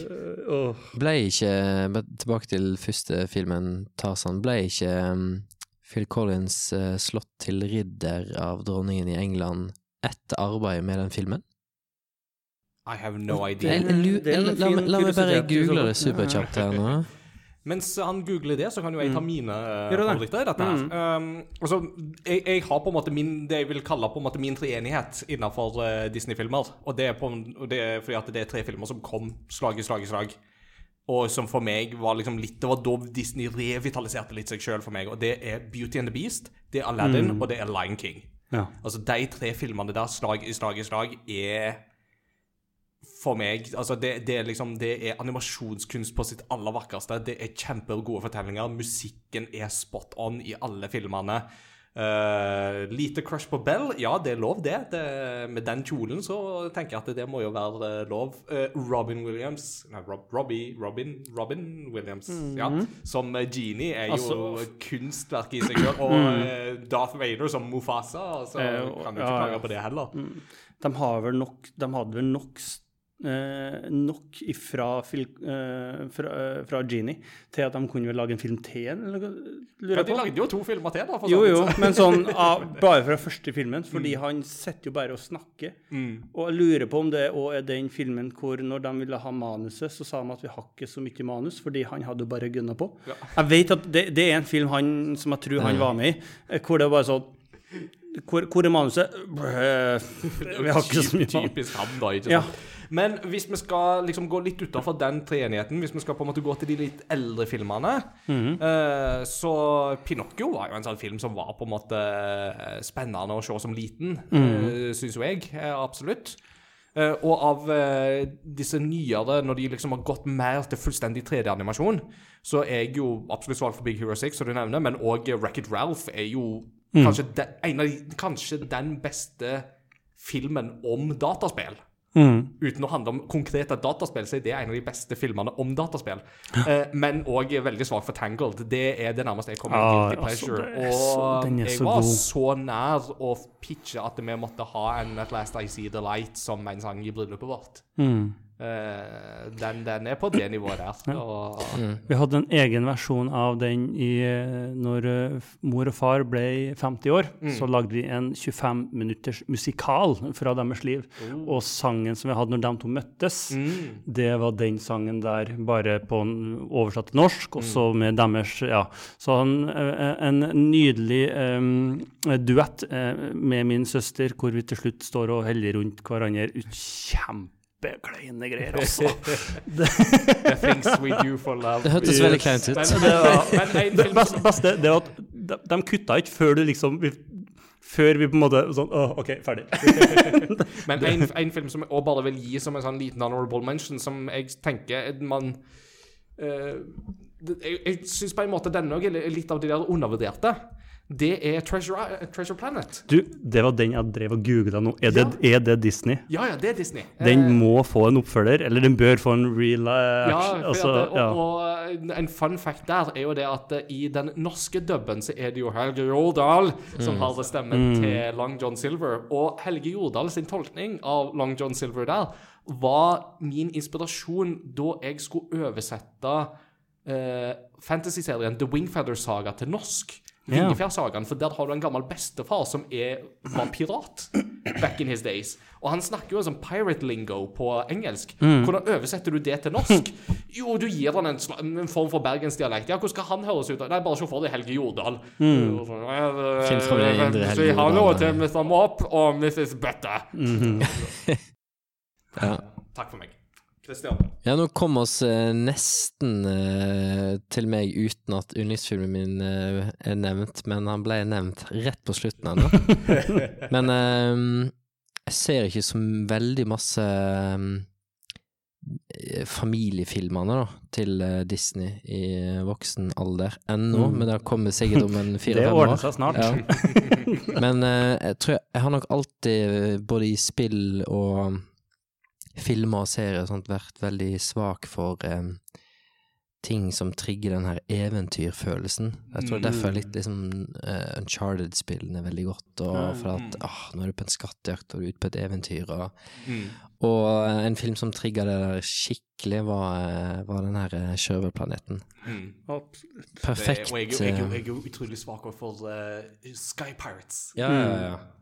Veldig sånn kul symbiose av fantasy og sci-fi og Mm. dødskult univers som jeg skjønner ikke hvorfor det ikke kom en, eh, kom en oppfølger der, Nei, egentlig. det Kanskje han ikke solgte så bra, da, men eh, Det var en liten sånn periode der, der de gikk litt, litt ned, tror jeg, i popularitet, kanskje. At de på en Ja. måte Altså i den etter Tarzan og litt det, så fikk de på en måte en liten dipp, kanskje, Ja. i at de, sleit kanskje litt med å selge seg litt. Og Mm. jeg vet jo eksempel også at Ringeren i Notre-Dame eh, forårsaka jo òg at det var en del eh, foreldre på mm, ja, litt, den den kristenkonservative sida som eh, ikke ville se den, og nekta på en måte sine unger å gå og se den på kino, for det var en periode der Disney eh, støtta opp litt mer om eh, noen LHGT, LHBTQ eh, Det var kanskje ikke så mye ku på den tida. Eh, men det var noe som var på en måte aktuelt i den tida der. eh, som Disney hadde på en måte støtta litt, og det var det veldig mange av de foreldrene som da ikke likte så godt, og som okay. la inn litt sånn forbud mot å se Mm. Disney-filmer hos sine unger, og det kan hende at de tapte litt i på en måte kjølvannet av det. Paradoksalt nok, fordi at den filmen har jo en av de mest tydelige kristne uh, Holdt jeg på å si øyeblikkene i en moder- mer nyere Disney-film, når Esmeralda er i Notre-Dame og synger sangen God Save the, eller, eh, ja, God Save the Outcast. Mm. mm. Som på en måte går så til kjernen av kristentro, og det er bare sånn Det, det, det sånn, ja. Når du er inne på det, så eh, ville jeg òg sagt eh, kanskje 'Prinsen av Egypt', men det er ikke Disney. Nei, det Nei. er Dreamworks, Dette. Men for en film. Mm. Ja. For Og det er òg Hans Zimmer, altså. Mm. Um, ellers så eh, på en delt andreplass hos meg så er det nok uh, um, Så er det nok Hercules og Mulan, altså. Mm. To uh, ekstremt bra filmer. Jeg kan, jeg kan plutselig så kan jeg komme på um, uh, musikken ifra Hercules når jeg liksom står og vasker opp, og så får jeg gåsehud. sånn ut av det blå, liksom. Ja, ja. En, en, liten fun fact der. Eh, jeg var jo med i et coverband da jeg studerte på Fjellhaug back in the days, mm. og mm. en av sangene vi spilte, det var jo da Go the Distance. Mm. I ja. beste Michael Bolton-stil. Eh, som eh, Han var ikke redd for å ta liksom de falsettene og det, mm. altså. Han gønner på det. Det er et eller annet med den derre den frasen der er bare helt eh, Kjempedeilig. Er der Kjempedeilig. er Men eh, fun fact, det er Jeg tror nok eh, noen av uh, The Blue Gap-låtene er litt inspirert av noen intervallene der. Så ja, nok om det. Da vender bandet til Christian Fonneland, for de som ikke husker det. Check it out. Check a look. Ja, og vi må jo legge til del to i reisebrevet her, fordi at ukens lytterpost er jo eh, hva som er folkets eh, favoritt-Disney-film, og da ikke Pixar, ikke noe Marvel, ikke noe Star Wars. Rein Disney. Og det er for meg et vanskelig spørsmål. Um, og det er noe som man følger gjennom på Disney Genius og ser hvordan rangeringen går. hvor vi da skal gå gjennom alle Disney. Der har vi Disney og Pixar-filmene, men vi rangerer de etter hvert. Men min favoritt tror jeg er Tarzan, selv om jeg samtidig òg er svak for Rive-Rolf av litt, litt, litt nyere. Og du da, Henny? Jeg tror kanskje, og dette kommer til å være en unpopular opinion, men jeg tror kanskje min favoritt er Frost 2. Hva? Veldig viktig at det er spesifikt toeren. Spennende. Dette, må si, dette må vi snakke mer om når vi skal snakke om Frost 1 og 2. Eh, men det blir en eh, god stund eh, til. Men det var det. Da sier vi eh, ha det og takk for oss. Og siden vi er på podkasten og folk hører på, skal jeg, sånn, jeg må si sånn shout-out til vennene mine, for dette var bursdagspresang til meg. og Det er veldig hyggelig, så jeg er veldig glad i de. Eller dere. Dere er jo her. Ah, how adorable. Takk, takk, takk. Johannes, Johannes hva er din favoritt-Disney-film? Jeg vet ikke. Paris of the Caribbean 1. Pirates Caribbean det er godkjent svar. Ah, oh, OK. Ja, ja. Ja, nice. Det, da eh, se, Eller, det er ikke Disney-klassiker, men jeg tar det, fordi sånn, vi tar og unngår eh, diskusjonen og sier at det er godkjent. I hvert fall, det, det, det er godkjent så lenge du er i Paris. Jeg kan si, jeg kan si Kan det hende med, med, med Kusko? Eh, Kongen for lama. Ja, den får vi si, da. Boom, baby! Og med det tilbake til Ingar og gjengen. Ah, yeah. Dra i spaken. Kronk! Feil spak!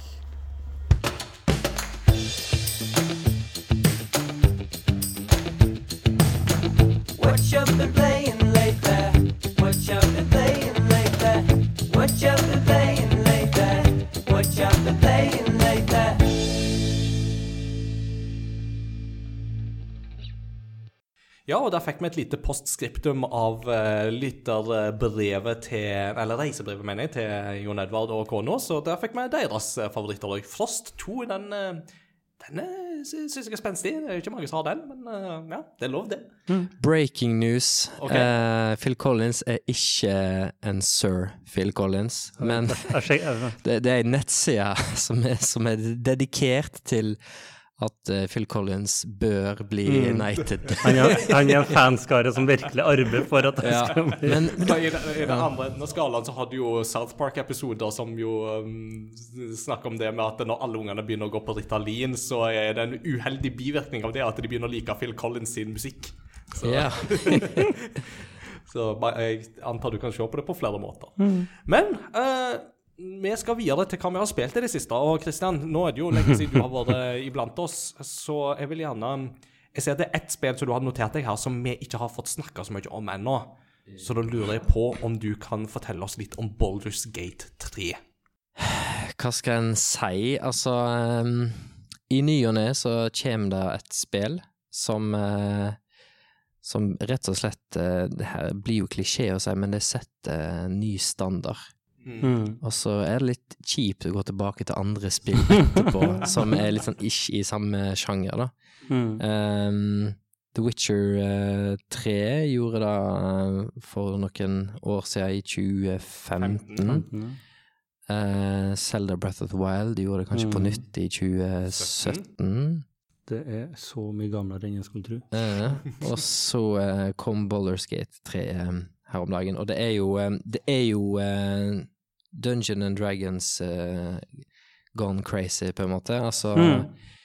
du um, For oss som har spilt litt Dungeon and Dragons uh, uh, penn og papirform, analogt, så er det jo ikke bare en, et skjult terningkast som skjer i kamper, men det er òg terningkast du gjør utenfor kamp og i dialog og ting du prøver å gjøre i verden. Og det, det er et eh, RPG-spill som eh, som eh, har en kjempespennende historie.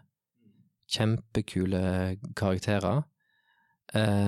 Og hvis du spiller spillet, så tenker du hm, jeg lurer på om jeg kan breake spillet på den måten her. Så har utviklerne tenkt på det, og så har de lagt inn egen dialog i disse settingene. Og jeg, jeg kom over et klipp på nett som jeg, jeg må bare dele, for det her er liksom Du kan komme til det her når du har spilt en time, da. Nå kommer du um, Du er på vei til en goblin camp uh, av eh, diverse grunner. Uh, og på vei til den goblin-campen så kan du komme innom en nedslitt landsby som det bare er noen goblins i nå. Og så er det òg uh, tre store ogres, troll, som, eh, som står og har en samtale. Akkurat vært der. Ja. To dager siden. Og eh, hvis, du, eh, hvis du går bort til disse her, så kan du Det er mange ting du kan gjøre. Du kan velge å liksom bare snike deg forbi, eller du kan bare angripe med en gang, eller du kan pickpockete, eller du kan gå bort og prate med dem, og da er det en som er tydelig lederen, da. Og han har veldig bra språk sammenlignet med de to andre ogrene. Så finner du ut seinere, hvis du tar han og luter han, at han, han har en, eh, en sånn her krone, en sånn her um, tiara, nesten, da, som er sånn eh, som gir, han, gir deg eh, 17 i intelligence, så derfor snakker han så bra, da. Men, eh, Takk for tipset. Eh. Det vet jeg ikke. men, eh, men eh, hvis, en annen ting du får hvis du, hvis du eh, dreper pistolen her, er et eh, horn som du kan blåse i, Mm. og da tilkaller du, selv om du på en måte har tatt det, så tilkaller du tre ogres da, i en kamp. Og hvis du klarte å befriende disse tre trollene her i den samtalen, enten ved å liksom gi dem penger eller rulle bra nok terningkast for uh, karisma eller persuasion eller et eller annet, så blir de så blir de vennlige, da. Og da, hvis du blåser det hornet etter det har skjedd, for da gir de deg hornet, Mm. så er de automatisk allierte med deg istedenfor at de er chaotic eh, når de kommer inn i neste kamp, da. Men så kom jeg over et klipp på nett hvor det er en som tenker hm, jeg skal prøve å breake spillet. Så før han går og prater med dem, så går han inn i stealth mode, sniker seg bak han sjefen, pickpocketer, tar hornet, går ut igjen, eh, går ut og venter, for da merker jo eh, eh, ogren at hæ, er det noen som har stjålet et eller annet. Venter til han liksom ikke er på jakt etter en tyv lenger. Går inn, tar den samtalen, gir han pengene for at han skal befriende, så skal han bare sure, uh, thank you, uh, friend or ally, og så skal han gi det det her hornet, da. Men da har han jo ikke hornet, Mm. så han tenker ja, nå, nå er jeg breaka da. Og så plutselig så er det en ny animasjon, en ny dialog, hvor han trollet bare what, what? Og så skjønner trollet at det er stjålet, ser på deg og gir deg liksom en ny dialoglinje for hvor han skjønner at du har lurt meg, du har tatt hornet, Wow. og så blir han aggressiv, og så er det en kamp. Wow. Så det er sånn her, eh, Folk som har prøvd det bare OK, la meg prøve å Mm. tenke utenfor boksen og spille bare Nei, nei, nei. nei. Vi har tenkt på alt. Ja, så, så, Det er helt vilt. så, så spillet fungerer rett og slett bare som en utrolig kløktig dungeon master som Ja, bare sånn der, ja. Akkurat sånn. Det er chat Ja, ja, ja, ja. som alltid er på. Ja, men, det- ja, men det er litt den følelsen du får at, at å, her er det en game master som er med på min Mm. joke. Uh, og så Og Rule of Cruel blir bare på en måte implementert uh, Ja, ja. med en gang. Mm. Nei, det er um, Det er Jeg skulle gjerne hatt flere ledige timer i døgnet. Det er ekstremt bra. Ja, jeg, jeg har jo ikke rukket å prioritere det ennå, men nå når jeg går i ferie, så jeg håper at nå skal jeg få spilt ferdig Final Fantasy 16, Ja. og så da, når jeg er ferdig med ett litt sånn større fantasy-spill, så kan jeg begynne på Baldur's Gate. Det er liksom planen, da. Og så kjøre litt Spiderman på si, da. Så Spiller du alene, eller spiller du med ja. Jeg spiller alene, men eh, jeg har lyst til å prøve å spille med noen andre. Men jeg tror, men jeg tror det er et spill hvor med en gang du spiller med andre, så blir det ganske chaotic eh, runs. eh, Mm. mens nå er det savescumming scumming for harde livet. Du blir en veld, jeg blir veldig god venn med F5. Ja. Eh, Quicksaven der. eh. Og uh, breaking eh, news, holdt jeg på å si. Uh, det her er jo sikkert uh, blasfemisk av meg å si, men jeg spiller det på Mac, Ja. faktisk. Nei, men så gøy, da. Og, eh, hvordan og funker det? Den porten er dødsbra. Okay, det er Så, så det har de òg fått til, liksom. Wow! Leave it to Larry, altså. er, liksom, det altså. er liksom låst 60 frames med maks eh, setting, så det er dødsbra. Rått. Så deilig. Eh, nei, for jeg skulle jo spørre om det om det var PlayStation eller PC du gikk for, men da er det jo Mac, da, rett og slett. Så er det jo du fancy, altså. Ja. Men, men altså eh, For det, her er jo et spørsmål, da. Nå, nå holdt jeg på å si sniker jeg litt i dine notater, men du har jo òg notert Tears of the Kingdom på denne lista her. Og det er jo fort litt sånn at uh, folk snakker jo nå som at det er litt sånn jevn konkurranse mellom Baldur's Gate 3 og Tears of the Kingdom i Game of the Year-konkurransen. Mm. Har du noen som utpeker seg mer enn den andre foreløpig, eller hvordan, uh, hva, hva, hva tenker du der? Det blir veldig farga av da spillet jeg eh, nå om dagen spiller, for um, Tears of the Kingdom har jeg egentlig tatt en liten sånn pause ifra og har tenkt at uh, um, Da har jeg liksom lyst til å ha litt Kunne ha litt lengre sessions i. Um, så da har jeg liksom holdt av. Jeg tenker liksom ok, etter man har flytta, da da kanskje jeg får litt bedre tid. Men uh, jeg, tenkt, jeg husker jeg tenkte Jeg har kanskje sånn 20 timer da i Tears of the Kingdom. Og jeg tenkte i løpet av de ti første timene Så husker jeg eh, gikk på jobb og sa til mine kollegaer at eh, jeg har akkurat spilt verdens beste spill. Og et spill som kommer til å være verdens beste spill i et par år fram i tid, da.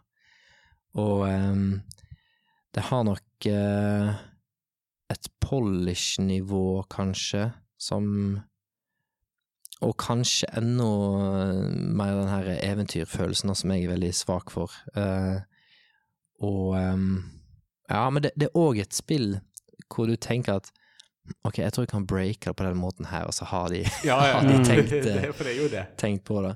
Nei, det, det er veldig vanskelig, altså. Jeg har lyst til å si delt førsteplass, egentlig. Jeg, jeg har et forslag, og det er jo det at når du har liksom fått flytta på deg og sånt, og når vi kommer så langt at vi skal spille en Game of the Year-episoden på Ja. slutten, så om du ikke får tid til å være med, så vil jeg i alle fall ha ei liste for deg Ja, ja. på liksom dine beste Dine nominerte i de ulike kategoriene. Jeg Har lyst til å bli med på den episoden der, altså. Eh, så da fikk jeg jo sneke meg til litt om eh, Tears of the Kingdom, men så har du jo notert et spill til. Ja, eh, det har jo vært veldig masse snakk om et lite indie-spill som heter Vampire Survivors. Aldri hørt om det. Aldri hørt om.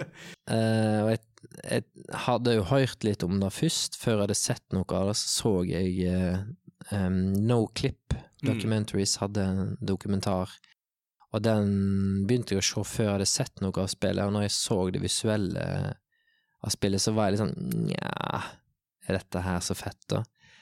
Altså, lurer på om jeg skulle ha en lengre biltur eller et eller annet, og sitte i passasjersetet, så bare ah, laste det ned og teste. Mm. Og så gikk det to timer, plutselig.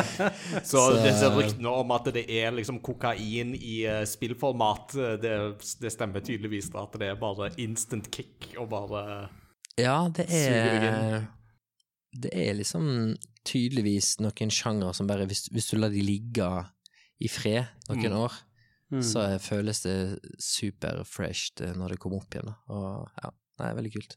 Spilte på mobil. Ja. Ja. Nei, så fett. Um, Peter, Mm. jeg spiller ballen over til deg. Sist gang så snakket du om at uh, nå skulle du bringe noe nytt til klassen. Uh, Jeg har spilt noe nytt!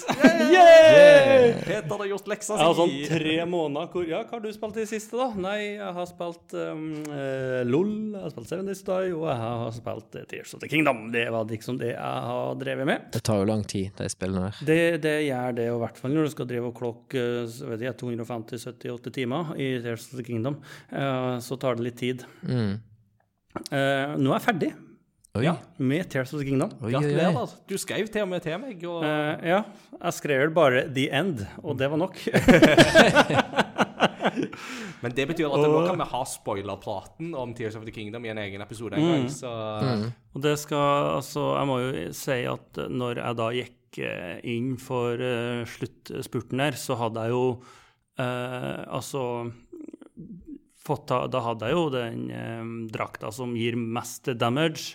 Jeg hadde fått oppgradert våpnene mine sånn at de gjorde i, ja, Alle våpnene gjorde jo 70 damage og oppover. Hvor et par av dem òg var skada våpen, som da eh, gjør enda mer skade. Eh, og så Det gikk greit.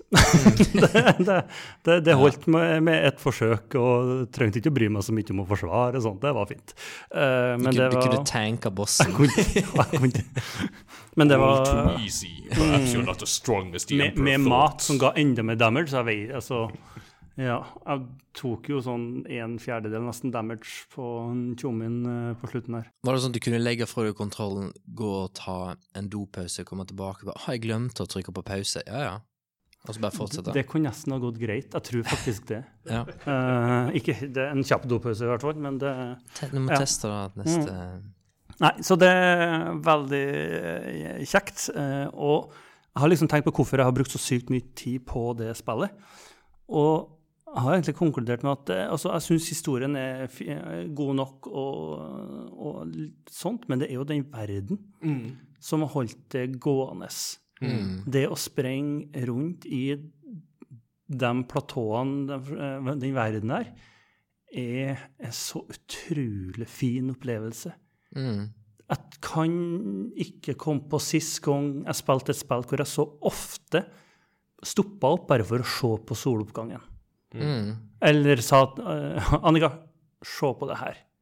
Ja, ja. Og hun òg liksom bare OK, det her er sinnssykt fint.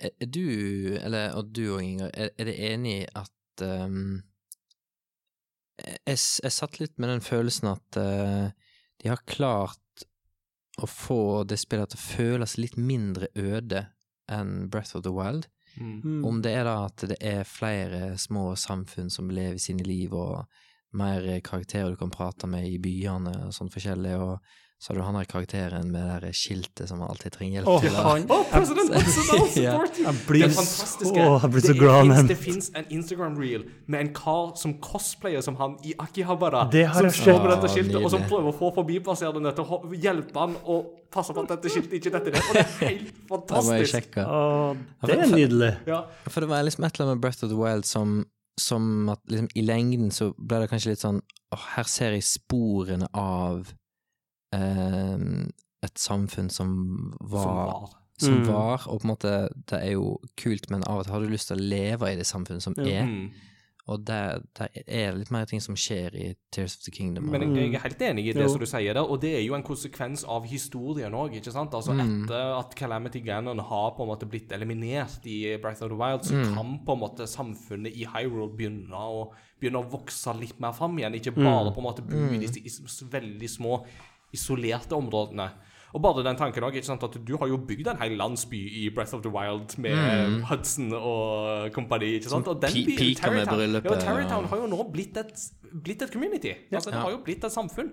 Så jeg syns jo at spillet gjenspeiler det på en kjempefin måte, da, som gir en følelse av kontinuitet. Og det var jo noe som jeg påpekte da jeg anmeldte spillet òg, var jo det at det, det føles jo som når du kommer tilbake til en plass du bodde for mange år siden. Og at det er sånn jeg, jeg kjenner meg igjen, og samtidig så merker jeg at det her er det skjedd ting òg. Mm.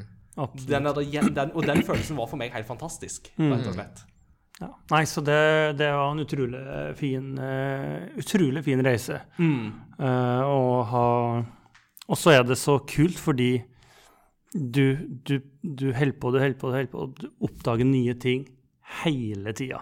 Mm. Uh, med måter som kan eh, gjøre deg sterkere, kan bedre, eller oppdage nye hemmeligheter, eller mm. ja, Det er jo vesen som kan fikse våpnene dine hvis at du bare lar dem ja, suge det inn og spytte ut igjen. Sånne småting som er liksom Du får ikke forklart, men plutselig så er du uheldig eller heldig å oppdage det, og så Må utforske det Ja, sjøl. Ja. Eh, kjempekult. Og så har du jo nydelig Og så har du jo det crazy folka som driver og bygger helt bananasyke ting. da.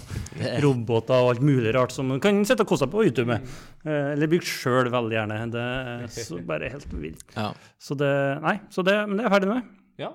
Det, det går bra, det. Så, så, så, så, så hva har du spilt for å trøste deg eh, med det Mar tapet? da har jeg spilt Mario Kart Ja, Mario Kart med, med kona, så det er fint. Ja, det det, er alltid veldig, det er veldig kjekt. Og så har jeg tatt opp igjen Uh, A Plague Tale Requiem. Uh, Ja. det, jeg spilte jo eineren i- eh, på DreamHack i fjor, Mm. og så begynte jeg direkte på toeren. Men da kjente jeg at det ble litt mye den oppskrifta. Mm. Eh, så hadde jeg pause med det, og så begynte jeg så vidt på den nå. Eh, fant ut at shit, Assassin's Creed kommer ut om tre dager. Det var kjempedumt. Um, Men ja, og jeg har tatt opp det. Det er og- luksusproblem, da. Ja. eh, Sorry. og så shit, Ja, det er det.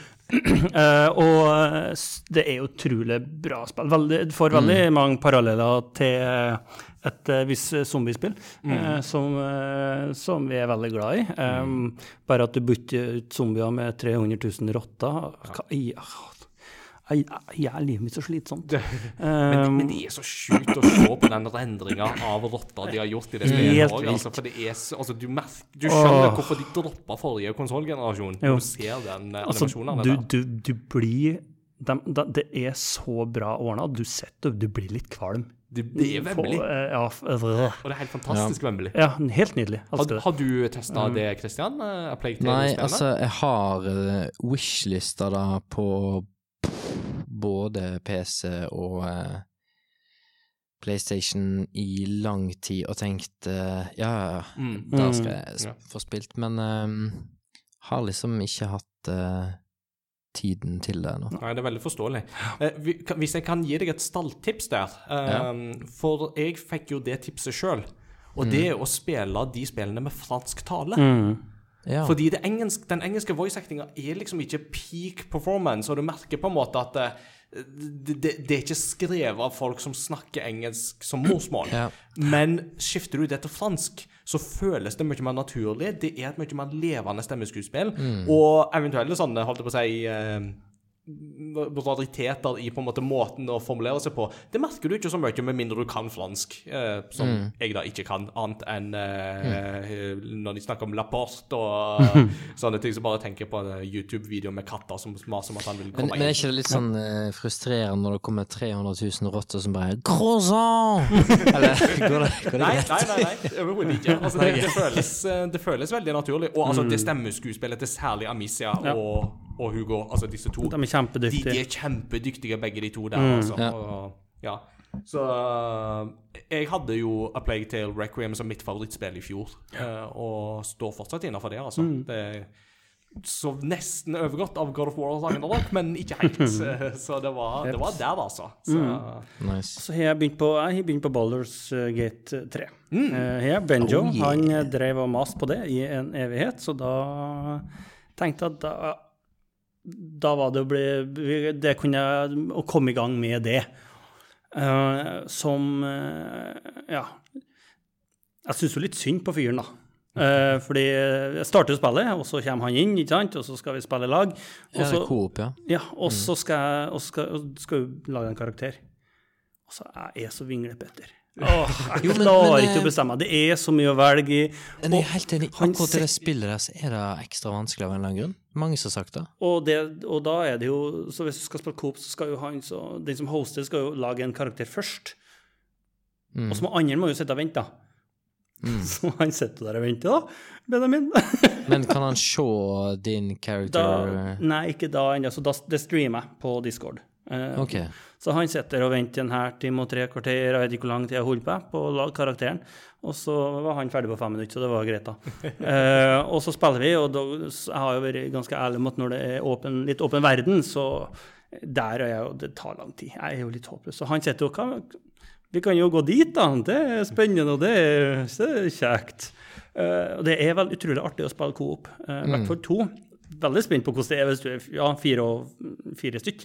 Hvordan det blir da. Eh, men han har jo spilt en del, så er kjent i verden. Og så er det veldig interessant å høre, fordi eh, nå er vi i, en, eh, i et område, en liten by, ikke så langt unna den byen som du snakka om, sånn grott med grotter og sånt. Mm.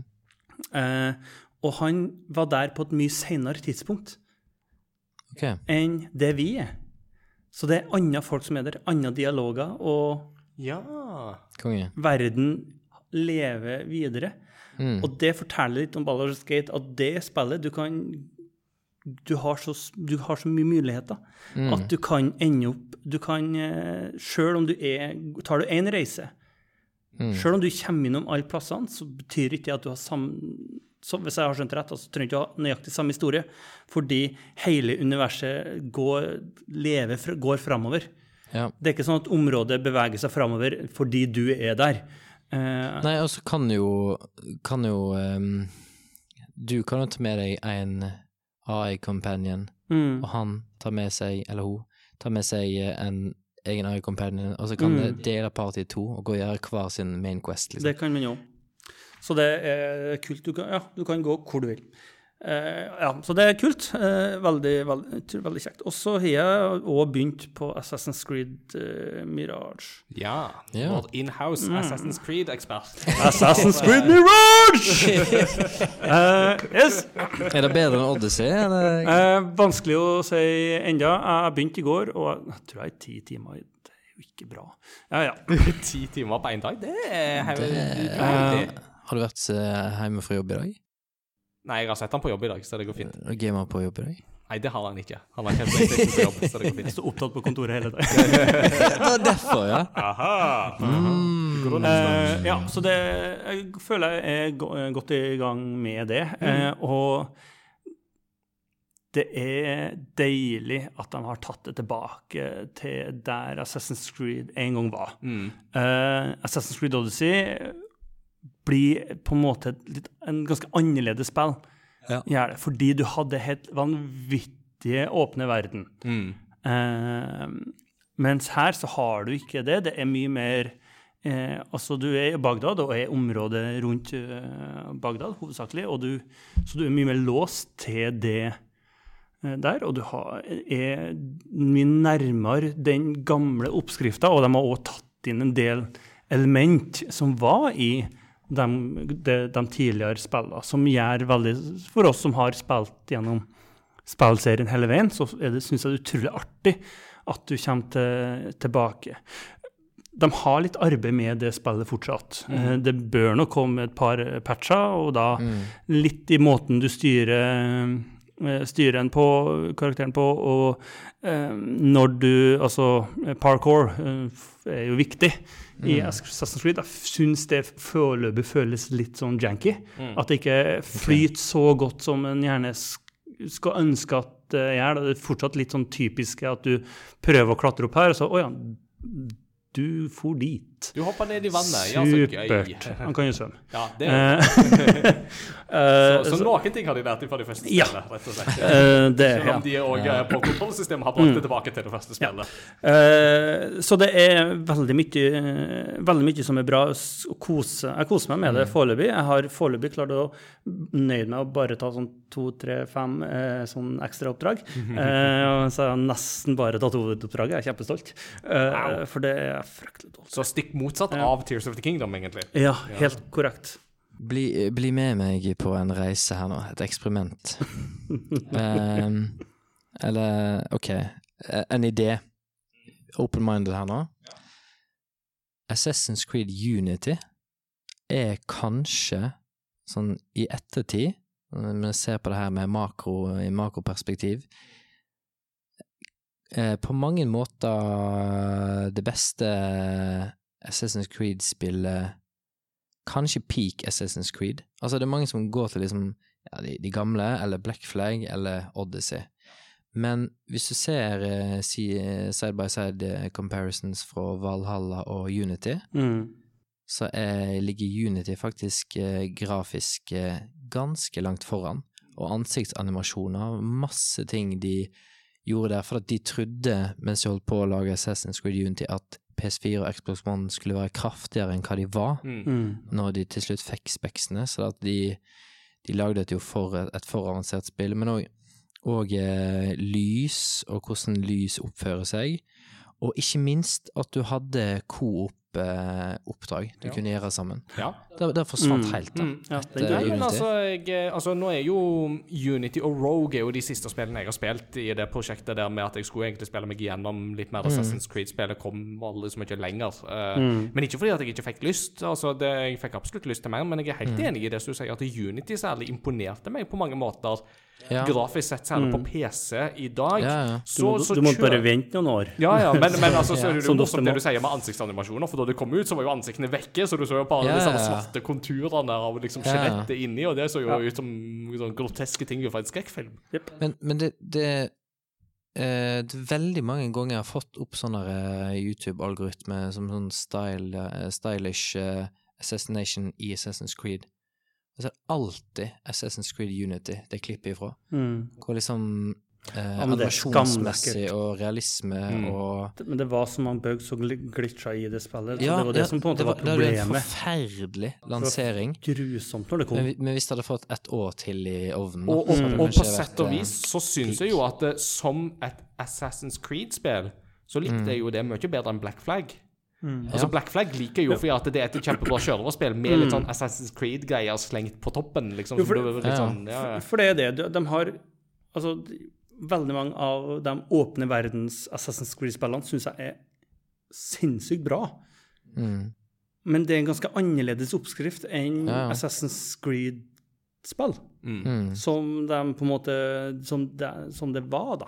Ja. Og der går de mye mer tilbake nå til til grunnarbeidet, eh, og liksom går tilbake til røttene. Det var det jeg egentlig skulle si. Eh, og så er det jo igjen detaljnivået til Ubisoft er jo fortsatt Altså, det er jo ingen som er i nærheten. Jeg leste jo en sak med en, histo en, en historieforsker som har liksom eh, fikk se eh, fra, liksom, fra Bagdad.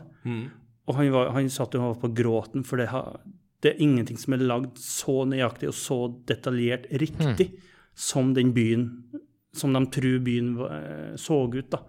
Så det er jo Altså, de har jo Altså, de har gjort arbeidet fullt ut igjen på at det her det her skal være nøyaktig. Det her, altså, og virkelig og det er jo kjempekult. Og det er jo litt sånn som når du reiser til ja, eh, pa Paris da, i Assassin's Creed, så du kjenner deg igjen.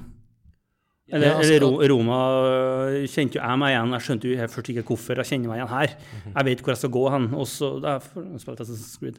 Ja, hvis, hvis du vil se hvordan Notre-Dame så ut før det brant, Mm. så spiller Assassin's Creed Unity. Ja, gjør det. Da får du det og det, det, det, ja, da mest detaljerte 3D-print-skanninger Mm. Ja, ja. som finnes i verden. eh, har de jo. Nei, så det er så utrolig eh, artig så langt. eh, og Basim er en veldig spennende karakter, i hvert fall hvis du har spilt um, Valhalla. Valhalla. Takk skal du ha. Eh, for der er, du kjenner ham derifra. Ja. Uh, Og der får du så Her tar de på en måte historien hans litt Det blir jo feil rekkefølge, fordi Valhalla skjer etter. Uh, da er han voksen. Ja, men vi som har sett Star Wars, vi forstår det der med at eh, ting blir ikke alltid fortalt i riktig rekkefølge. Så det er jo fint. Så det Valhalla episode 1. Ja, basically. Stemmer. stemmer. Så det Nei, så jeg syns det er utrolig eh, veldig kjekt, og eh, gleder meg til, gleder meg til fortsettelse. Så gøy. Det er kjempegøy å få den taken på uh, så mange ferske spill nå. Uh, det Ja, det er liksom- fint med forandring her. Ja, ja, ja, ikke sant. Eh, Det Yeah. meste av det jeg har spilt, har jeg snakka om før. Altså, The Legend of Zelda Oracle of Ages spiller vi jo i Retrospellauget, så det kommer vi jo tilbake til. Jeg Spiller du det på Gameboy, da? eller? Ja, jeg spiller det på Analog Pocket, yeah. som jeg har fått, Yeah. så det er veldig gøy. Men har du cartridge? Ja, jeg kjøpte cartridgen, cartridgen til den i, på retromessa i Sandefjord.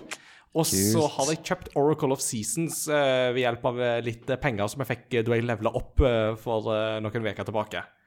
Så da gikk det til å kjøpe et fint eksemplar av det. Nice, Så de nice. har det fysisk, da. Veldig, veldig Snarlig. gøy.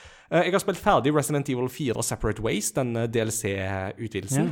Med Ada. Ada Wong, ja. Ja. Veldig gøy. Altså, og altså, jeg må bare si det igjen, altså, men altså, Resident Evil 4 er for meg den der perfekte blandinga mellom liksom skrekk, action, pacing og um, Ikke creepy, men um, cheesy. Uh, var sagt altså, Vi er jo alltid på 'What are you buying?' til uh, Leon som bare ser på alle som går til kirkeklokka bare 'Where's everyone going?' Bingo! Men, men, men der var originalen var mer cheesy. Ja, ja, men, men det er litt ja, trist. var litt mer, ja, men det er det som er så gøy, og det er det at ja. Separate Ways-DLC-en implementerer, eller tar tilbake en del av de tingene som de jo kult. faktisk kutta ifra Ja. remaken. Men som okay. var i det originale Resident. Evil 4. Så det er liksom noen ting som kommer inn igjen her, da. Blant annet en veldig kjent scene med en viss korridor og litt sånne ting. Som bare sånn ja, Ja. og en boss òg som Som var kutta i uh, remake, og som Ada nå må slåss mot, og alt sånt. Så, så kjempeartig, altså. Bare Jeg må si at den der pacinga eh, og alt det er sånn Jeg får egentlig bare lyst til å spille Resident Evil 4 remake igjen uh, allerede, så det er For et veldig godt. spill, altså. Ja, det er kjempegøy, så Ja da, jeg skal spille hysj. Men, det, det, altså, de siste fem årene, fem-seks årene Altså, Capcom have done nothing wrong, Ja, det, det er et eller annet Plutselig har Capcom eh, byttet ut drikkevannet sitt med et eller annet supervann. Mm. Og det er jo det som jeg sier, tenk om Konami kunne tatt en prat med Capcom, snakka litt sammen, og så satt seg ned med Castlevania og gjort Mm. noe med Castlevania igjen. Ja, eller at, at Capcom bare kjøper Konami, og så, og så får lisensen på spillene sitt. OK, let's go. Ja, så plutselig så har du liksom I'm Simon Belmont and I kill vampires. Hadouken! OK, kan, kan jeg bare få lov å Nei, du, du skal få lov å se ferdig. Uh, jeg har bare en ting til jeg glemte å nevne. ja, men nevne. det skal jeg eh, nevne. Speaking of Yes. det du nettopp sa. Uh, Xenoblade Chronicles 3 han pusler jo litt med sånn imellom. Men nå det jeg vil snakke bare litt sånn Skal ikke bruke mye tid, uh, men jeg vil snakke om Final Fantasy 16, som er det jeg har Ja. mest. mest. Um, for nå har jeg kommet litt sånn skikkelig i gang med det. Jeg hadde en god runde nå i helga. Um, og altså, dette er jo litt sånn gøy, altså, for de går jo tilbake til en mer sånn fantasy, high fantasy-setting. De har sett Game of Thrones, det merker du veldig tydelig her. Altså, det er jo, For første gang så har de jo kjørt 18-årsgrensa i dette spillet her eh, med noen, okay. holdt på å si. Fordi at det er litt um, Ikke sånn veldig åpenbar nakenhet, men at det er litt sånn holdt jeg på å si, Du ser folk litt sånn bakifra, men de er litt sånn nakne og sånn, driver med litt sånne aktiviteter som lønner seg etter kveldstid, og litt sånt. Og at du er i holdt jeg på å si, Jeg- jeg skjønner forklare er det? noen tvilsomme greie- som eh, kunne vært eid av Littlefinger i Game of Thrones. Så og- helt hva du snakker om, kan du, når en mamma og en pappa er veldig glad i hverandre så. Let me tell Ehm, og, og så er også at det, men det er ganske brutale ting også av og til. At plutselig så kommer du til på en måte landsbyer som har blitt utraderte for å statuere et eksempel, og sånt, og du har liksom lik som henger der til høylys dag, og litt sånne ting. Så det er ganske mørkt og brutalt til tider. Altså, det er det jo.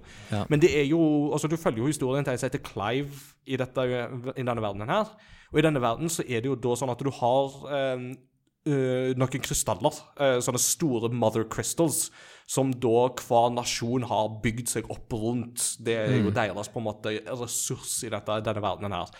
Og for vanlige folk så er det tilgangen på magi, men så har du noen folk som blir født med magiske evner, og de blir såkalte branded. Som vil si at de blir slaver egentlig for de andre, og de blir egentlig behandla som mindre enn menneskelige.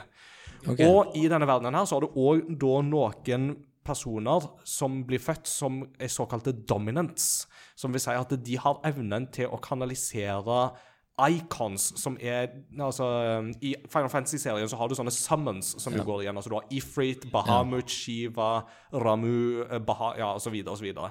Og i dette, denne settingen her så er de på mange måter litt som en sånn supervåpen som disse nasjonene har eh, hos seg, da. Og disse um, dominants, de blir jo på en måte æra og frykta og litt sånne ting i dette her, da. Og Clive, han er da han er født inn i en sånn slekt, men han er ikke en dominant sjøl. Hans bror er det, så han blir på en måte trent opp til at han skal på en måte være på en måte hans vokter og verge og sånne ting. Men så blir det jo et lite statskupp med litt forræderi og litt sånne ting, og backstabbing i bildet. Og eh, så blir det en timeskip til 13 år senere, og Clive er jo nå da blitt en sånn branded unna et av disse andre eh, nasjonene. Okay. Og så blir han rekruttert inn i en sånn frihetsbevegelse, og så begynner jo da den store kampen da for på en måte både å finne sin bror eh, og liksom hans skjebne, men òg knytta til på en måte disse branded og all denne intrikate historien da, i dette her. Så det er veldig politisk eh, mange sånne politiske drama og litt sånne ting. Og jeg må si at det, den er langt på vei det er en mer spissa historie her enn det vi fikk i Final Fantasy 15. For i 15 så hadde du jo denne her guttegjengen på roadtrip, basically, med en prins som plutselig mista sitt kongerike og litt sånne ting. Men det var en historie som var veldig mye mer fragmentert, og du merker på en måte at dette er et spill de har reboota tre ganger i utviklingsfasen.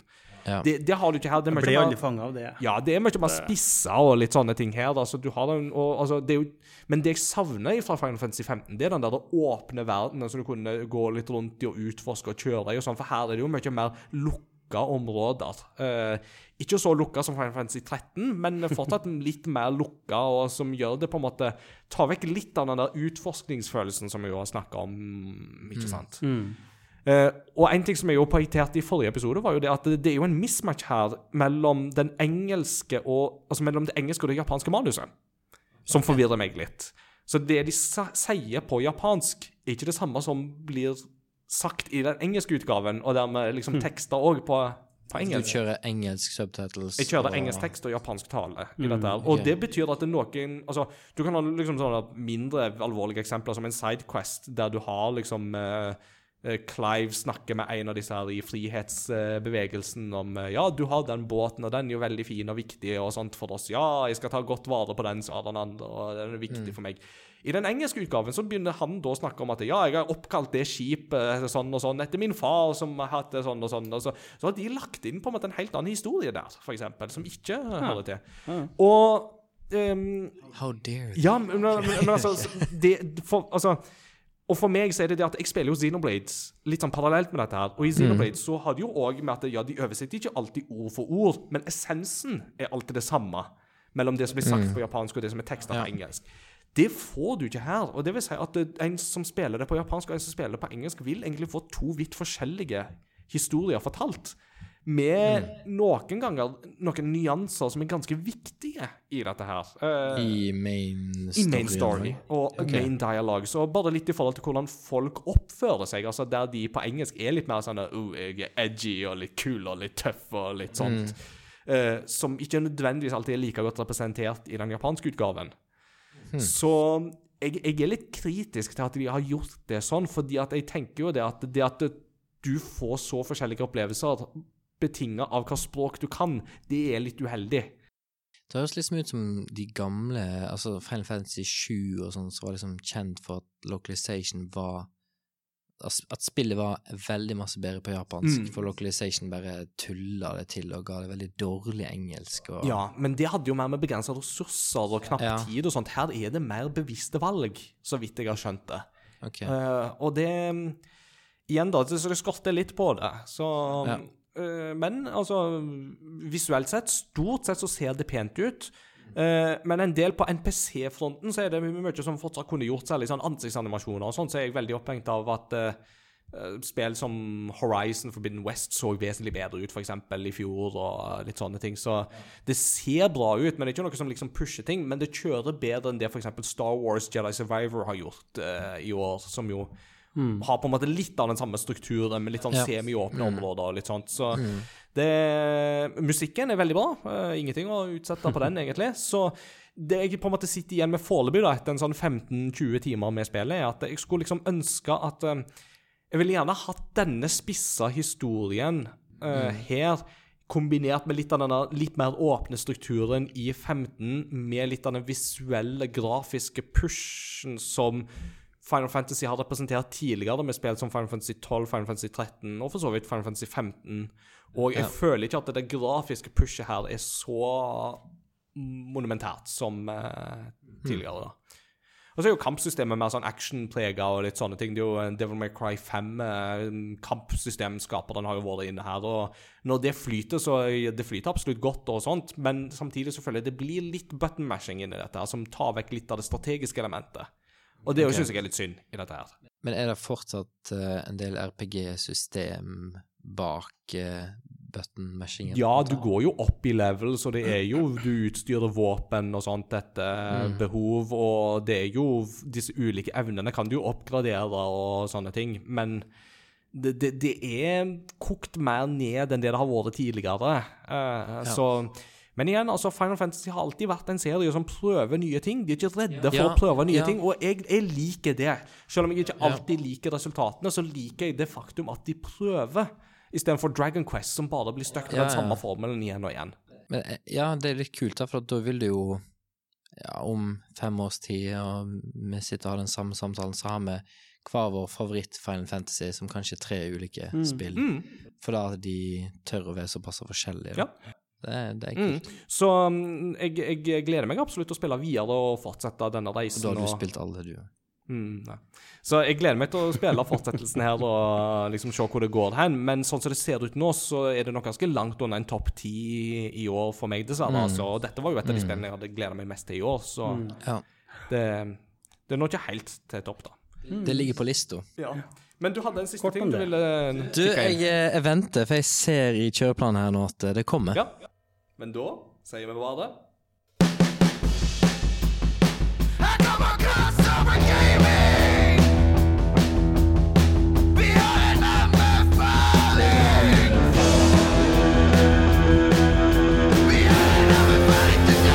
God, Peter, take it away. Da skal jeg komme et par anbefalinger, tenkte jeg, vet du. Yes. Eh, begge to har eh, Begge at uh, tingene jeg skal um, anbefale, har blitt nevnt. Ish. ene var det meg sjøl som nevnte, og det er Assassin's Creed Mirage. Jeg syns det er artig og bra nok til at jeg vil anbefale å spille det spillet, i hvert fall. Hvis at du var eh, eh, Liker du Assassin's Creed-formen generelt, så vil du nok like det spillet her.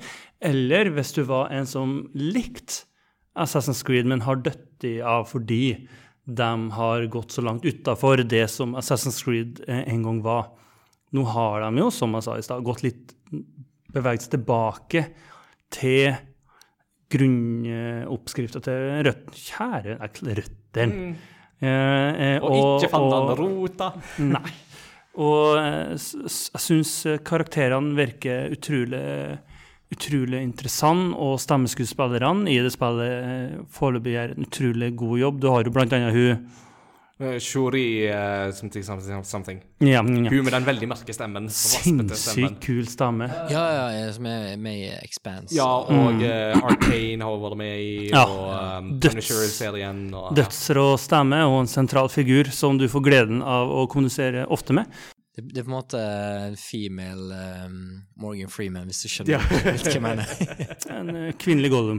Jeg tenker, ok, ok. jeg tenker egentlig mer at det er liksom den female equivalent av Adam Jensen fra Deus X eh, Human Revolution. Litt Ja, sånn, men jeg, jeg, tenk, jeg tenkte ikke stemmeleie, men, men at det, på en måte, det liker um, Like eh, ikonisk. Like ja, ikoniske ord. Nei, så det er veldig kjekt. Eh, andre jeg vil trekke fram, det er en serie som kom på Netflix eh, nylig, og det er. Castlevania Nocturne. Som Castlevania is back, er- baby! Altså, Netflix har jo lagd noen Castlevania-serier tidligere som har vært vanvittig Altså, de er kjempegode. Ja. Og så har de kommet med en ny Castlevania-serie som er noen, en del år tidligere. Eh, Nei. Senere. Senere. Ja, så godt kan jeg den uh, linja der. Uh, men det er et av de mer kjente Belmont uh, som du da følger. Og igjen så har de gjort en vanvittig god jobb, både med uh, Altså, animasjonene i den serien er kjempekule, og historiefortellinga og, og karakterene som er der. Største problemet jeg har med den serien akkurat nå, er at jeg får få episoder i sesongen. Ja, For det er og at alle kommer ut samtidig. Så det, Jo, jo, det, det- går en ettermiddag og sperrer. Ja, for, da, er for da, altså, episoden er ikke kjempelang heller. Eh, og så er det vel åtte episoder. Ja. Og så slutter du liksom bare sånn OK, nå, nå Så folkens nå, slutter på en peak. nå du, du setter på sånn OK, nå folkens, nå tar det av. Nei, skeit.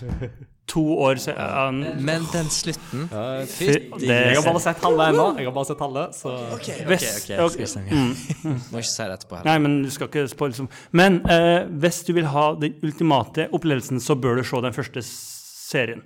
Den, Det som den, er tre sesonger. Fire. fire sesonger. Fire, ja. uh, men det å ta det på en kveld, ass. Det kan gå fint, det. Um, ja. Kjemperå serie som eh, du absolutt vil ha gleden av å se. Bare hyggelig. Vær så Det god. er vel, det er vel vestlig anime? Ja, det er vestlig animasjon, så Ja. jeg er jo på den med at vi kan ikke kalle det anime. For, eh, Så jeg vil bare Nei, nei, foreslå en, nei, nei, an, nei, an, nei, jeg vil men det er liksom- komme med en veldig bra anime-serie. Så Nei, men, eh, men det, er, det, er på en måte, det er på en måte homasj til anime-verden, for at det, det er mye av de samme måtene å eh, tegna mennesker på. Da. jeg, jeg skjønner jo hvor folk vil hen, men jeg ser jo Ja. samtidig at her er det jo mye type sånn Cartoon Network uh, Avatar The Last Airbender, den type animasjoner Ja. og inni dette her. Og det òg er jo vestlige animasjonsserier Ja. som Ja. Selv om du på en måte Ja, du ser at de på en måte tapper litt inn i den japanske tradisjonen, så tenker jeg jo samtidig at det er viktig å på en måte å skjelne litt òg, da. Ja, men det er vi Men- men, enige med at vi kaller kaller vestlig Ja. There is no such thing! Jeg vil bare foreslå en veldig bra serie. ja, Ja. absolutt. Det var det jeg skulle La oss ta det her i en egen episode. Det, men det som jo kan sies der, er jo det at dette er jo en, en veldig passende serie nå som det er oktober. Mm, Som absolutt. eh, er jo halloween-måneden, så Ja, for det kan vel være verdt å nevne at er det 18 det er år absolutt Ja, det er det. Ja, det Det er gory og blod til tusen. Mm. Ja, så mm, Den eh, må være voksen når du ser Ja, den. Ja. Den har 18-årsgrense, så alle de Som, som som, er om, som om folk har brydd seg om Nei, men hvis det er noen her med litt uh, eldre kids som hører på, så kan det være greit å vite Jo da. at uh, Ja da, så det er viktig. Det er 18 års aldersgrense, så Mm. de som er over 18, de må gå og legge seg. Ja. For dette er en hebreke pachinko-kontroller til Super Nintendo. It's curiosity. What are you gonna show to me? It's curiosity. What a neat thing to know. It's curiosity. What are you gonna show to me? I haven't even heard of it. What a neat thing to know. It's a great battle show. Christian, du meldte at du kunne ta kuriositet i denne episoden, så da vil jeg gjerne høre hva du har brakt til klassen. Jeg har tenkt uh, å kjøre en eh, full circle her. Eh, Vi hadde jo en forferdelig pausemusikk fra et Spiderman-spill. Eh, og så har jeg funnet i kuriositetverden en forferdelig eh, grafisk eh, flause fra et Spiderman-spill. Okay. Uh, men uh, Og begge disse tingene her ble valgt fordi at uh, når denne episoden her kommer ut, så er det jo ikke mange dager til Spiderman 2 mm. kommer på eh, PS5. Det blir magisk.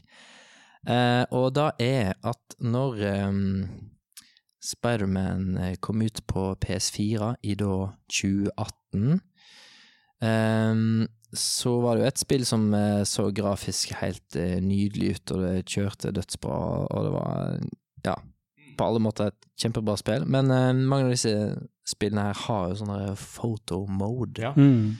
og i en photo mode så kan du jo fort bevege kameraet kanskje litt lenger vekk enn selve spillkameraet ser mens du spiller. Mm. Så da kan du kanskje finne ting, oppdage ting som ikke ser like fint ut, for at de har klart å liksom skjult da, når du spiller. Så da folk oppdaga da, når jeg gikk inn i um, camera mode i uh, da uh, Spiderman-spillet, var at uh, ute på sjøen så er det en bitte liten uh, jolle hvor det står uh, to eh, karakterer, tror jeg det er. Jeg sendte jo et bilde, forresten, i Messenger. Mm. Og den karakteren er rett og slett eh, så lav kvalitet at det er bare, det er bare en kub. Hodet er bare en kub, en firkant. Og så er det bare dratt liksom bildeteksturen av et ansikt utover den firkanten der. Nydelig. Og folk internett bare Dette er jo ren horror. Så hva er dette her for Dette, noe? dette må vi ta og legge ut i våre sosiale Ja, ja, mediekanaler ja, når ja. episoden er ute. Sånn at Dette skal legges ut. Eh, men det som er kuriositeten her, og gøy, er at når remaster-versjonen kom på PS5, Ja. så var det noen fans som sjekket ut ok, men han her er stakkars eh, seileren, har de fiksa han nå? Skal du inn i fotomod, gå bort til han, og så er han akkurat like stygg. Men, men, han har en gul Post-It-lapp på brystet, hvor de har skrevet med håndskrift Did you miss us? så de har bare, de har bare owna den eh, Og det er helt fantastisk. Det er sånne ting som bringer Insomniac til liksom, toppen av uh, bransjen, altså. Det er sjølironi som jeg forstår. Jeg skal sende deg hvor- det er nydelig. For det- et studio. Nydelig, Christian. Det var, det var en god latter. Det var nydelig. Nei, okay. folkens, nå har vi holdt på lenge. Men du snakkes. verden så god stemninga blir når vi er tre stykker i studio og har masse spennende ting å snakke om, og mange gøyale tema. Uh, vi tuner ut episoden i dag med et uh, spill som òg passer i liksom, dette der høstmørket. Det òg var et spill som kom ut i oktober i sin tid, oktober 2011, og det er hovedtemaet til Batman Arkham City.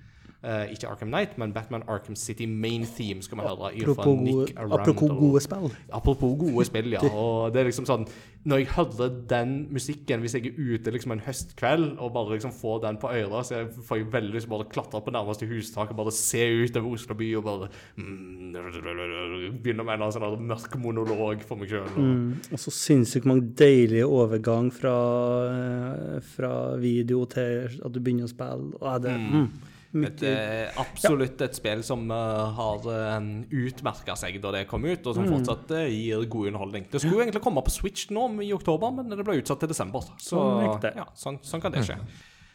Kristian, du får god flytting når du kommer så langt. Mm. Lykke til. Eh, Thank you. så Det blir spennende. må vi passe på at du må ikke liksom vente altfor lenge før du er med igjen Nei, neste nei, gang. vet du. nei. Det her var kos. Mm.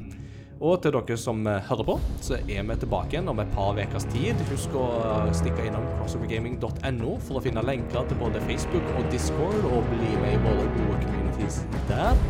Vi snakkes til neste korsvei. Ha det bra! Mm.